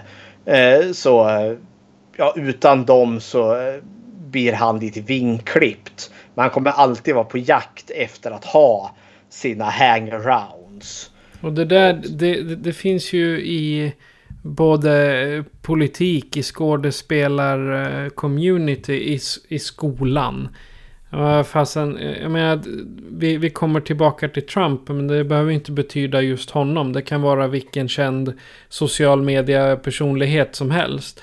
Att så länge de kan uttrycka sig så att hela världen ser det. Som, det var ju där Trump satt och skrek på Twitter om att eh, ditt och datt och han kunde få gensvar. Sen vart han bannad. Då hör man ingenting från honom istället. Då kan han göra sig hörd via små pressreleaser ja. som ingen läser. Nej. Nej men det är, om man med ett annat exempel, det är väl Vladimir Putin. Ja. Också där liksom han utan den här staben som finns runt omkring han och det här skräckväldet han har skapat. Ja, då blir han ingenting. Och det är också en liten ynklig jävla man egentligen. Men med ett jävligt stort våldskapital. Med många hangaround som verkligen går i, i hans liksom, ja duckar, eh, följer hans piska där då. Dels för att det är väldigt gynnsamt men också för att man är rädd för honom.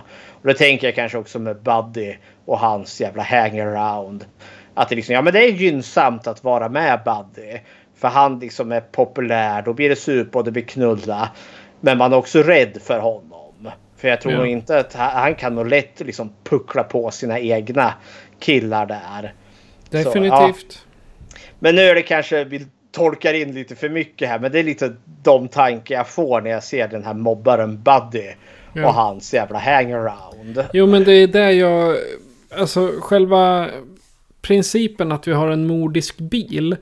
Det kan jag skjuta lite åt sidan och istället se hur karaktärerna beter sig. För jag tycker den här är mera karaktärsinriktad film. Den skräcken är liksom inte bilen utan den finns bara med för att fylla ut händelserna. Ja men det, det är ju det som bilen ger ju liksom den här filmen det här lilla extra liksom singet. Det är ungefär som ja men hajen, Jaws. Jag skulle inte säga att det är hajen som är front and center där. Det är också en enormt karaktärsdriven film. Där det finns en mordisk haj. Christine är samma sak. En enormt karaktärsdriven film. Där det finns en mordisk bil med. Och det får man ju hoppas i karaktären sen, eller i eh, remaken sen att de inte eh, tar bort eh, karaktärerna till fördel för bilen. Ja, det, det, jag vet att Stephen King själv har ju inte uttryckt något stort entusiasm för just den här remaken. Det bådar ju inte bra. Nej, det gör ju inte det. För han har väl, nu kommer jag inte ihåg vilka det är, men han, har- han har uttryckt sig om några filmer som han anser liksom att det finns väl ingen större... Han ser ingen vits med att remakea dem. Och Christine är en av dem. Och det blir också sådär... "Ah." Och så tänker jag också, ja vad är det man kan tillföra en remake utav Christine? Alltså man kan ju inte direkt ändra bilen. För det ska verkligen vara den här 57 Plymouth bilen.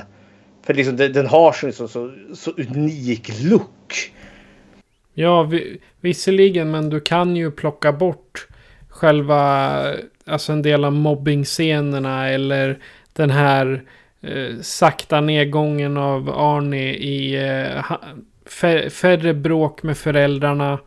Du kanske plockar bort hans eh, kamp med farsan där. Eh, så, alltså sådana små saker som är för, för oss egentligen som, som, inte, som går förbi om man inte tittar så granskande som vi har gjort. Då. Men, vad har vi då? Ska vi verkligen bara ha den här mordiska bilen? Nej, jag vet inte. Den här Ja, men det, det, det är därför jag hoppas på att de inte plockar bort eh, karaktärerna. För Nej. plockar de bort dem då, eh, då kan man ju göra en... Eh, som det här eh, plus, eller det var inte plus, du vet när de spolar ner varorna i toaletten. Jaha. Nej, men jag, jag, jag tänker liksom att det enda man kan ge den här berättelsen är väl liksom att modernisera den. Sätta den i en modern tid kanske. Men ja, jag vet inte vad. Vad ska man byta ut till för bil? Det borde vara samma bil. Ja, Nej, en Tesla. en Tesla. En ond jävla Tesla där som far omkring. Det vore något. ja, det. Jaha, är vi, börjar vi bli klara med våra karaktärer här? Ja, det är de karaktärerna som har något direkt. Alltså- man, man tycker Darnell eller Robert Prosky, han är, han är lite cool men han har ju inte Ja. så många, så många eh, rader att säga. Nej, men liksom, vi har ju, vi kan väl bara nämna dem snabbt där då. Robert Prosky eh, som Darnell. Eh, alltså genuint bra skådespelare. Sen har vi ju Junkins spelad av Harry Dean Stanton.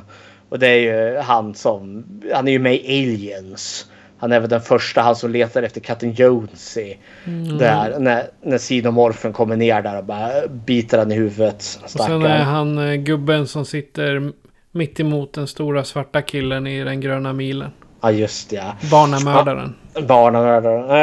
Är han med då? Jank? Ja, men det kanske han är. Ja, men det är han som spelar barnamördaren. Ja, just ja. Så var det. Ja, jag sa samma. Eh, och sen har vi Lee Bay spelad av Robert Blossom. Eh, och det är han som spelar, kanske mest känd som den läskiga gubben eller läskiga mannen i Ensam Hemma. För jag kände igen han som gjorde hon. Och det är ju han som säljer Christine där då. Så det, det är liksom... De här gör liksom, det är inga stora liksom roller, men de, är, de sticker ut. Och det är också för att vi har genuint bra skådespelare i dem. Ja. Så hepp hepp. Ska vi gå till platsen eller platserna? Ja, eh, har du gjort någon eh, samling utav platser? För jag har svårt att liksom komma på vad det är för platser. Nej, alltså jag tog lite mer som ett svepande. Alltså vi är ju i något form av medelklasssamhälle. När vi, vi är ju de, de tre platserna som blir återkommande är ju eh, Arnys hus med sina föräldrar. Sen har vi skolan de går på. Och sen är det ju den här Darnells eh, Junkyard. Alltså där han eh, bygger, där Arny har Christine och bygger upp henne. Eh, så vi, vi går ju liksom i en, i en ganska ja men, välputsad medelklassmiljö är vi ju när vi är hemma hos Arne och när vi är i skolan. Sen är vi ju en ganska smutsig miljö i den här eh, bilgaraget. Eh, där Christine byggs upp och jag vet inte om det är liksom om man ska göra någon tolkning där då liksom att Christine den här väldigt vackra bilen, för den blir ju väldigt vacker, blank, liksom röd och fin. Men den, den byggs upp, den har liksom sin födelse i den här smutsiga, skitiga, eh, liksom skräphögen på något vis och vänster. Det är ju en skrot. Ja, det är en skrot liksom om, om man ska... För tanken gick dit nu, men det kanske tar det lite långt. Men det är ju som att hotet kommer liksom från det smutsiga, från skroten, från tippen. Och liksom söker sig in i det, det fina vita medelklassområdet. Men jag känner det, det är inte riktigt Michael Meyer som kommer till Haddonfield heller. Utan det är en mer intim berättelse. Så det är egentligen bara de som är nära Arne som är i fara för Christine. Men jag vet inte, för, för det blir ju verkligen Christine är ju mest i den här eh, alltså skroten. Eh, Där ser vi ju henne mest. Ja, hon får ju inte stå på mamma och pappas eh, vackra uppfart. Nej, och det blir ju också lite av en poäng för det är då liksom Christine ändå så kan växa ostört utan att omgivningen ser det märkliga som den här bilen för med sig. Exakt. Ja, och i och med att Arne blir ju isolerad med Christine så blir det ju väldigt mycket mer ja men liksom förförelseprocessen den här delen då Christine liksom besätter honom blir ju mer naturlig. Liksom han går så förlorad. Jag tänkte lite så här, ja men allegorin lite för, ja men man har någon bekant som man älskar som går sig förlorad i ett missbruk, bara försvinner in i sin lägenhet, liksom knarkar kvart eller något sånt där. Att kanske det med blir lite eh, det, det kanske är liksom en liten stretch här men ja det går väl att kanske göra den kopplingen mellan Arne eh, och Christine och den här jäkla skroten de befinner sig på. Ja, det är ju bra, bra symboler för det om inte annat. Så det går att göra. Sen kanske man inte ska överanalysera en, en film som baserad på en eh, kokainskriven bok liksom. Nej, förviss, förviss. Men det är de, alltså sen har vi ju skolan. Men där Mm. är vi inte så mycket. Sen är Nej. det ju runt om i stan. Jag menar, Ja. Hon jagar ju efter eh, pojkarna och flickorna runt om i stan. Mhm. Ja, när vi är på vägarna där och ja. Nej men ja. det är ingen sån tydlig plats. Det är väl skroten är väl den mest tydligaste. Där liksom det, det, det ondskan växer Ja. på något vis och vänster. Eh, det är väl lite också kanske koppling där liksom Draculas slott. Det är ju liksom förfallet. Och Dr. Frankensteins laboratorium är också så här otäck mörk plats. Så självklart är liksom där, där den onda bilen växer är en mörk och smutsig murrig skrot. det är där liksom det onda händer i de här mörkra förfallna ställena. Det är där liksom ondskan har sin hemvist. Ja, vilket den, är, vilket den kan ha. Det spelar ingen roll om det är ett eh, skrotupplag eller ett eh, knarkhus. Ja, helt klart. Men vi kan väl rabbla lite musik innan vi tar själva titelfiguren. Det här, det här är ju en John Carpenter-film. Eh, och han gjorde väl den här direkt efter The Thing. The Thing kom ju 82 där. Och märkligt nog, The Thing fick ju jättedålig kritik. Eh, den tankade ganska hårt, vilket för mig är helt otroligt. För det är en av mina liksom topp 10 skräckfilmer. Om jag liksom får välja. Liksom The Thing återvänder jag till alla gånger. Men för det, det, han fick ju kritik för att det var så blodigt. Och att det verkligen var en gorefest. Och den är ju en gorefest. Så därför har de ju tonat ner det eh, i den här filmen. Men vi har ju, alltså det här är ju fortfarande tidig John Carpenter. Eh, och vi har ju hans syntmattor. Men jag vet inte, det är inte så mycket. Alltså det, det är tillräckligt mycket av John Carpenters musik. För att det ska bli extra mycket mys då såklart. Men ingenting direkt liksom, av musiken fick mig liksom att ramla ur soffan direkt. Det är inte, det är inte Halloween, det är inte eh, Flykten från New York. Nej, det, det vi kommer höra, höra i outrot sen det är nog det bästa som han har gjort. Men jag har te, teamet, teamsången till den. Ja, själva ja, Christines team music. Ja. Jag spelar en liten bit av det. Do it.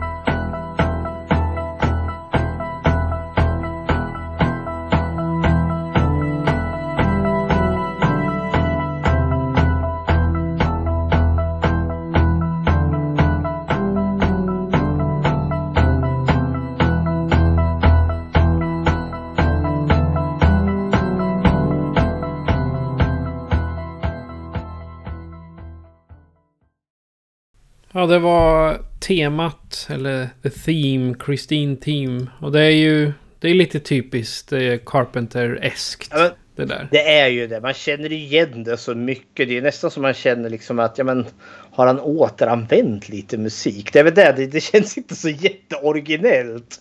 Men samtidigt, det är John Carpenter. Så det är också sådär, ah men det här är mysigt ändå. Nå, nu sitter jag här och liksom syntmyser med Carpenter här. Ja. Jaha, är det dags för The Big Bang här? ja, det känns...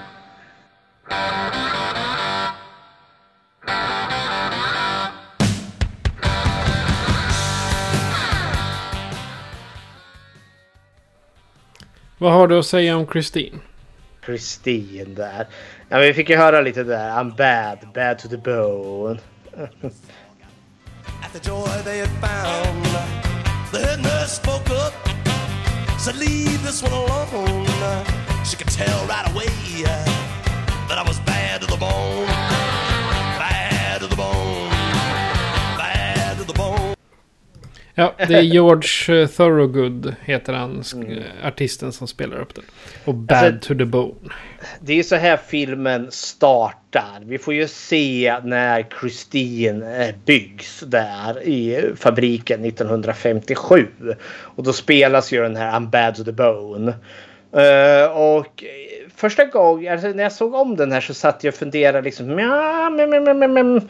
Satt jag och funderade liksom att eh, skulle man verkligen introducera att Christine är ond, att vi har att göra med någon övernaturlig bil här. Hade det kanske varit bättre att skippa den och bara introducera Christine när Arne ser henne för första gången som en skrothög som han liksom har det här lilla mystiken. Liksom, ah, är, bi- är det något med bilen eller är det bara Arne som är tokig? Vart efter filmen flöt på så kände jag liksom att nej, det är faktiskt ganska bra ändå att introducera att bilen har ett medvetande och bilen är ond.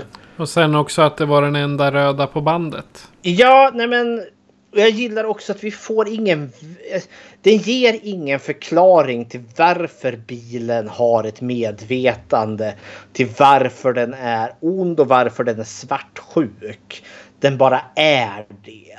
Vi får liksom ingen sån här blixten slår ner i den, någon uttalar en förbannelse eller något sånt där. Utan att den bara är. Och den, Den, är den ond. är bara ond. Punkt. Den är bara ond. Och just också liksom att den är småsint egentligen. Första det onda vi får se den göra det är någon som när hon håller på och inspekterar den lyfter motorhuven där för att kolla i den och då har han liksom händerna precis lagda eh, så att när huven slår ner så liksom faller den ju över hans knogar och gör illa honom. Ja. Och det finns liksom, han har inte gjort bilen något fel utan bilen bara gör det.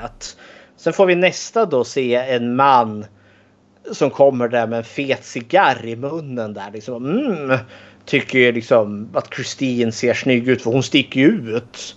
Ja, eftersom det är en röd bil på ett band med vita bilar. Ja, och han sätter ju sig i den där liksom och känner sig som en kung. Men så fimpar han ju cigarren. Ja, jag tror inte ens han fimpar. Det faller ju bara av. Ja, men på sätet där. Ja, oj, oj, oj.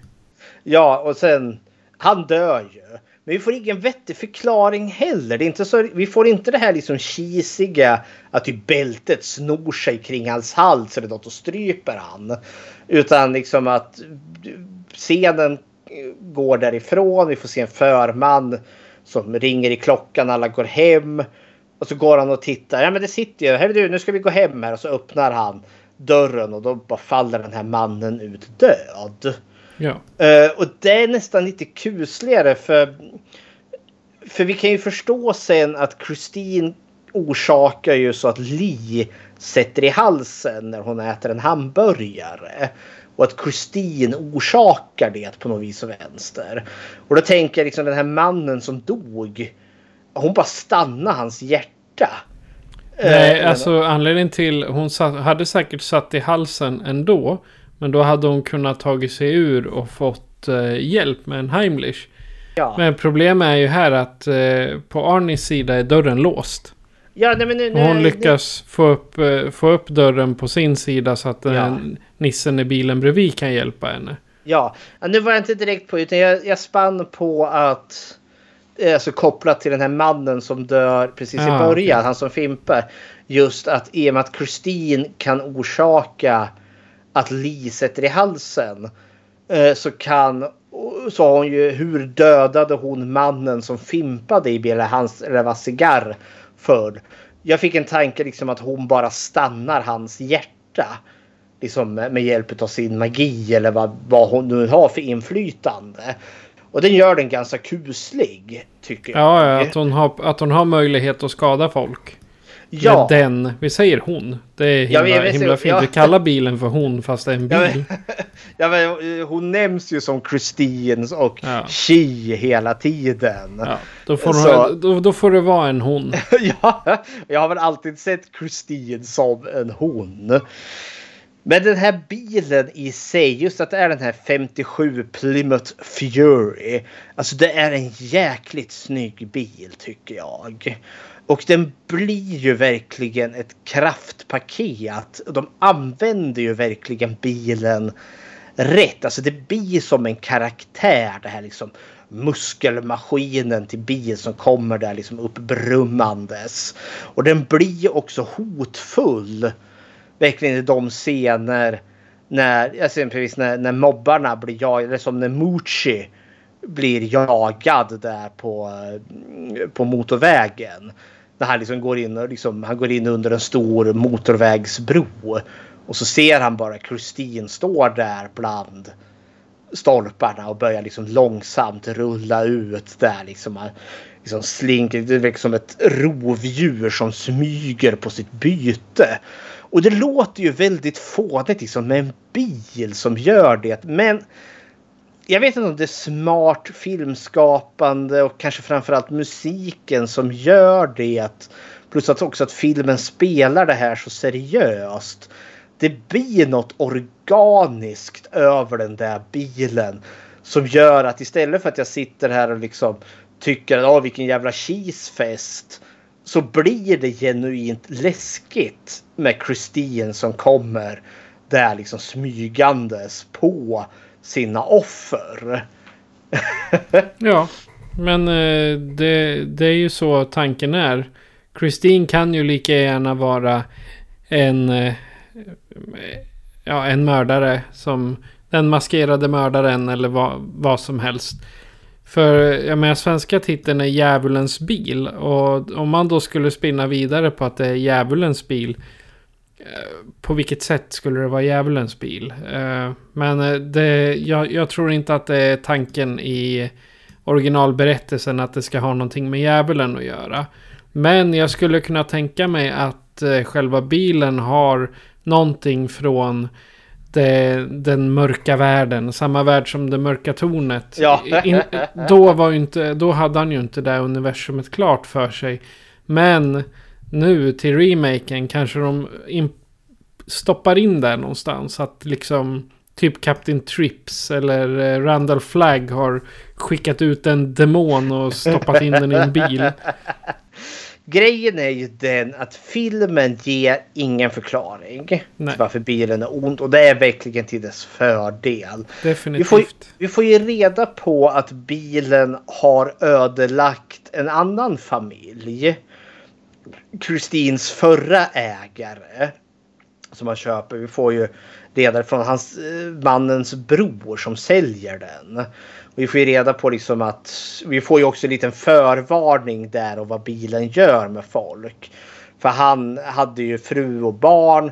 Men i slutändan blev han liksom Kristin äter allt. Så liksom när eh, vi får reda på att hans dotter kvävdes till döds i bilen. Det vet vi ju liksom. Det hände, nästan samma sak hände ju med Lee. Eh, och, men pappan var ju liksom så. Han, han, kunde liksom inte slita sig från sin bil så han lät sin femåriga dotter liksom kvävas till döds för liksom Kristin kräver så mycket och frugan tog livet av sig och han själv tar också livet av sig med att förgifta sig med avgaserna från Kristin. Eh, så liksom vi får ju liksom förstå där liksom att Kristin har gjort det här förr.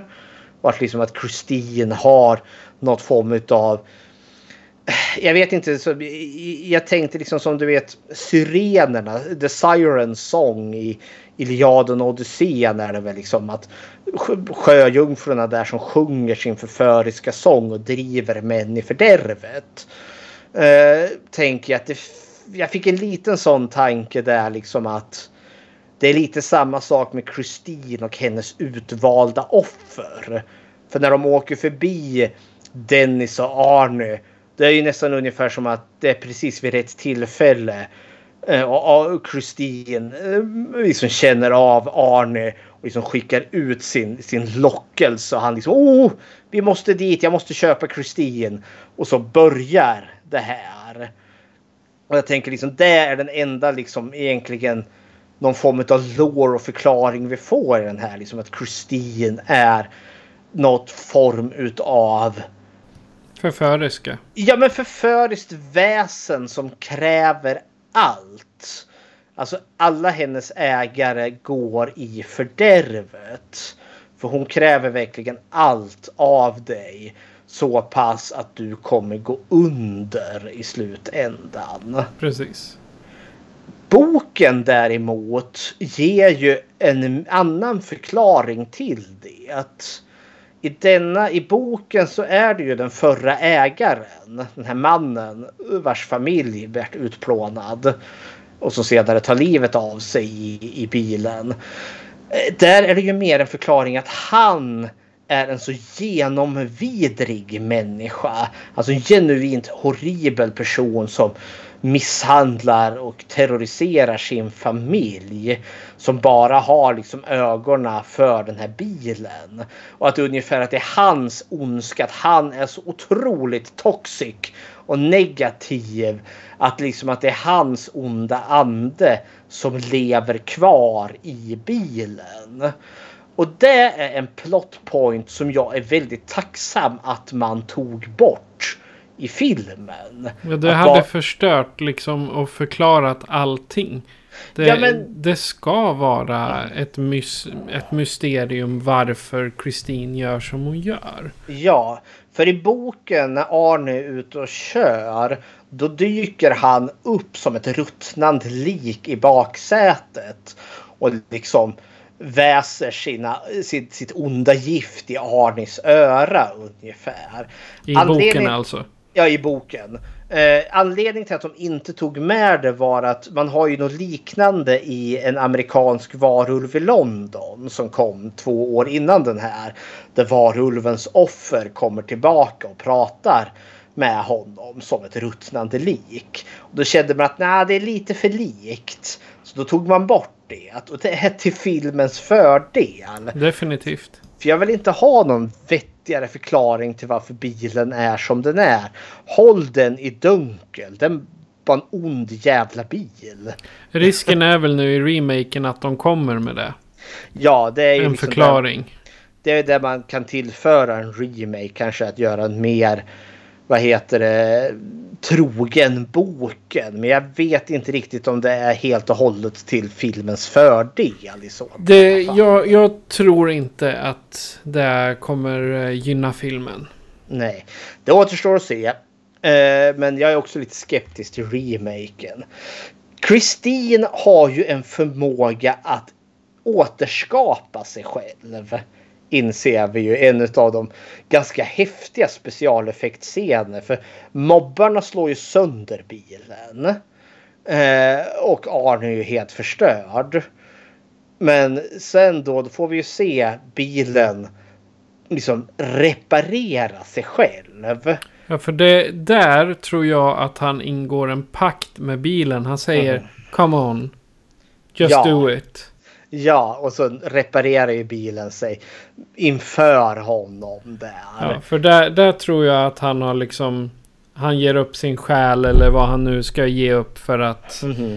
få ti- till bilen. Så att bi, han, han är bilens, eller vad man ska kalla det. Ja, det- men jag tror också att det är, en, det är en väldigt viktig scen där. För det är då liksom han nu är hjälplöst hooked. I liksom nu har Christine sina krokar i honom. Ja. Eh, och jag tänker ju just för det när de slår sönder bilen. För det här talar ju lite om att bilen är slug eller lömsk. Den har en plan. För vi vet ju liksom att bilen är mycket väl kapabel till att ha ihjäl folk. Så hon låter ju sig bli sönderslagen utav de här mobbarna. Eh, för att sen kunna göra det här med Arne när hon reparerar sig själv. Precis. Så det, så det finns ju en plan. Det finns ett medvetande, ett illvilligt medvetande hos den här bilen. Och det finns ju några genuint häftiga scener. Alltså för det när hon börjar mörda eh, vad heter det, mobbarna där. Först är det ju Mucci eh, som hon jagar och han lyckas ta sig in i något, ja, någon form av industribyggnad och tar sig in i något litet utrymme Eh, jag tror det är något lastutrymme eller något sånt där. Där eh, det är för trångt för bilen att komma in och han tror sig liksom, nu är han säker. Men bilen bara liksom börnar ju på så att sidorna bara krossas och bilen bara trycks ihop och liksom bara pressar sig in i det här smala, smala utrymmet och då krossar honom till döds. Det tyckte jag var genuint häftig scen.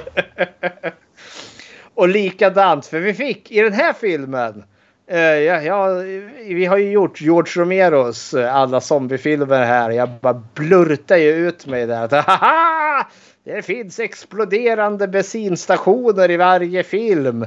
Vi hade en tveksam explosion i första filmen och sen hände det aldrig mer igen.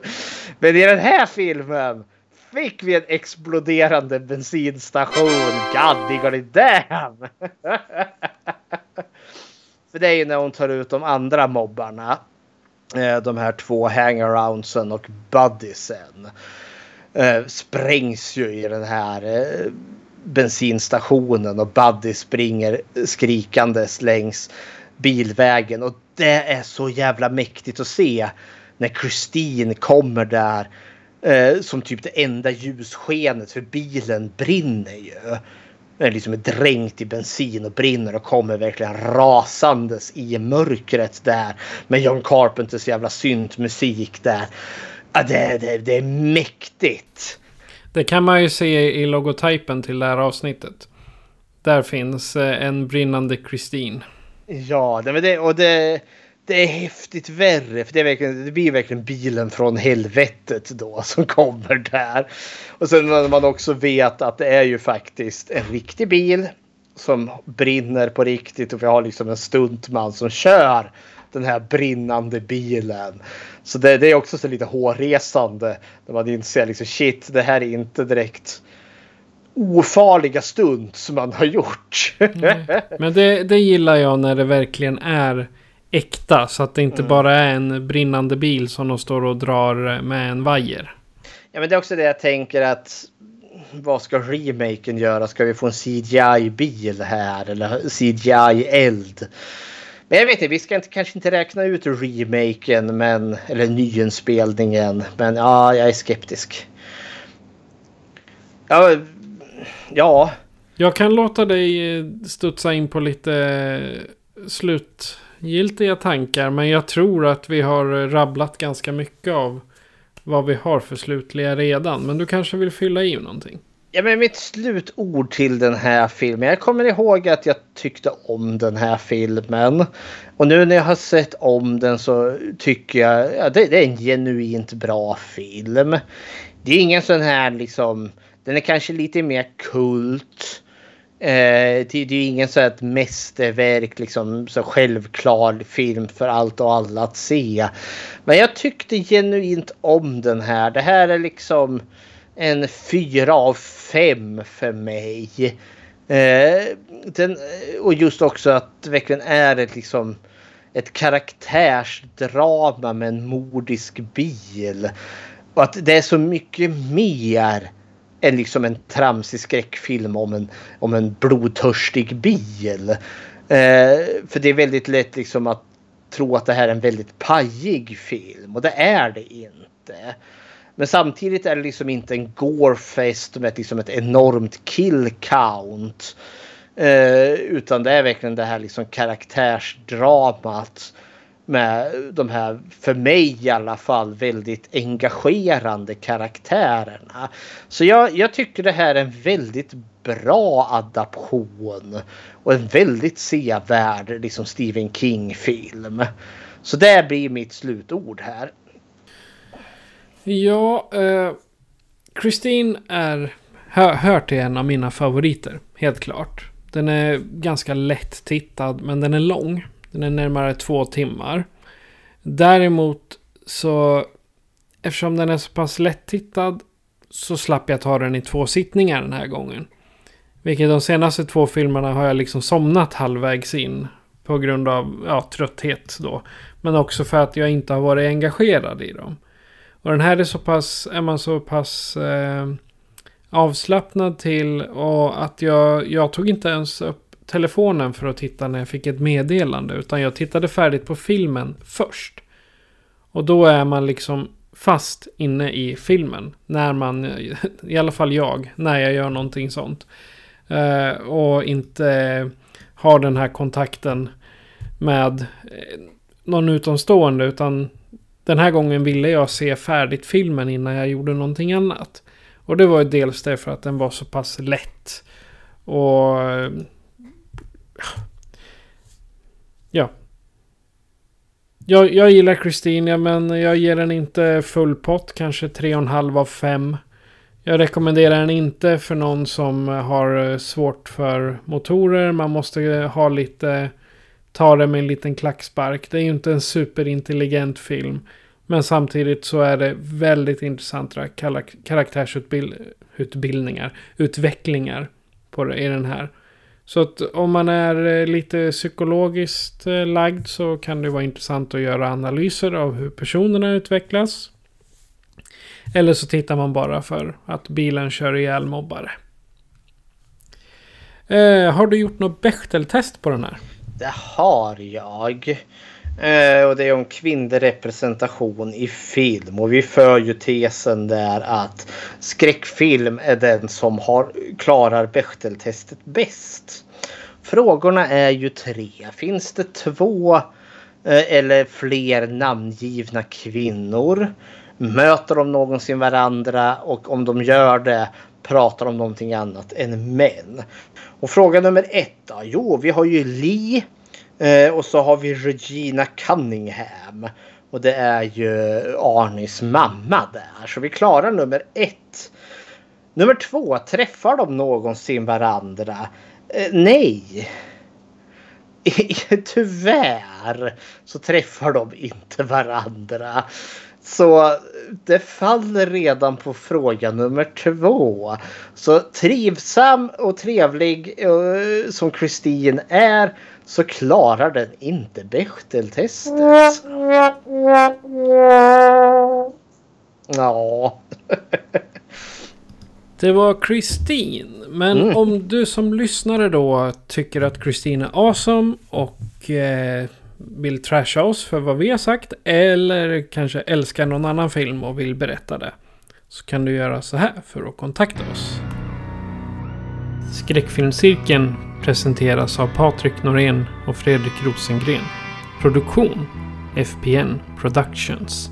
Besök skräckfilmscirkeln.com för att hitta var du kan lyssna på oss, hur du kan stödja oss och hur du kan kontakta oss. Vill du diskutera filmerna i avsnitten är du välkommen att gå med i gruppen Skräckfilmscirkeln Eftersnack på Facebook. Tack för att du lyssnar.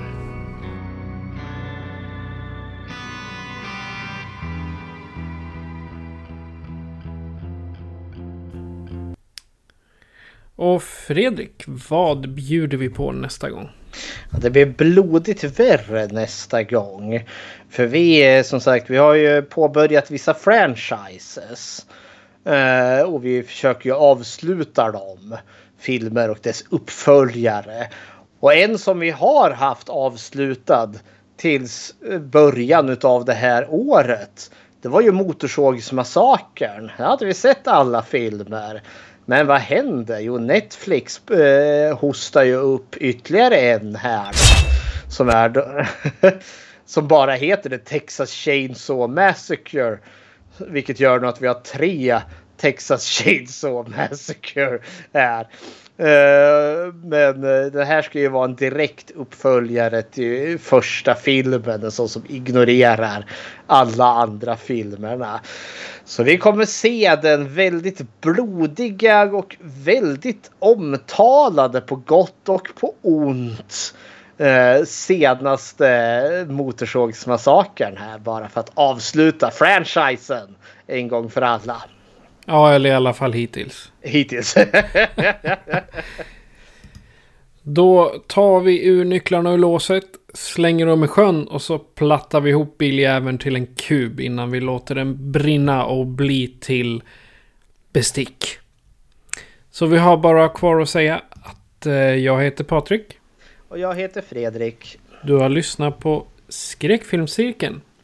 Adjö på er. Ajöken.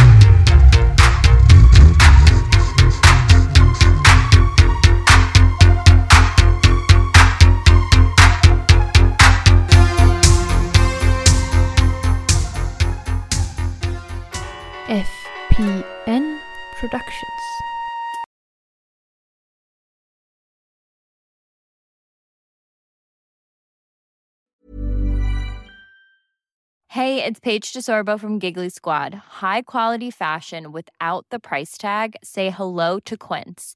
I'm snagging high-end essentials like cozy cashmere sweaters, sleek leather jackets, fine jewelry, and so much more. With Quince being 50 to 80% less than similar brands. And they partner with factories that prioritize safe, ethical, and responsible manufacturing. I love that. Luxury quality within reach. Go to quince.com slash style to get free shipping and 365 day returns on your next order. Quince.com slash style.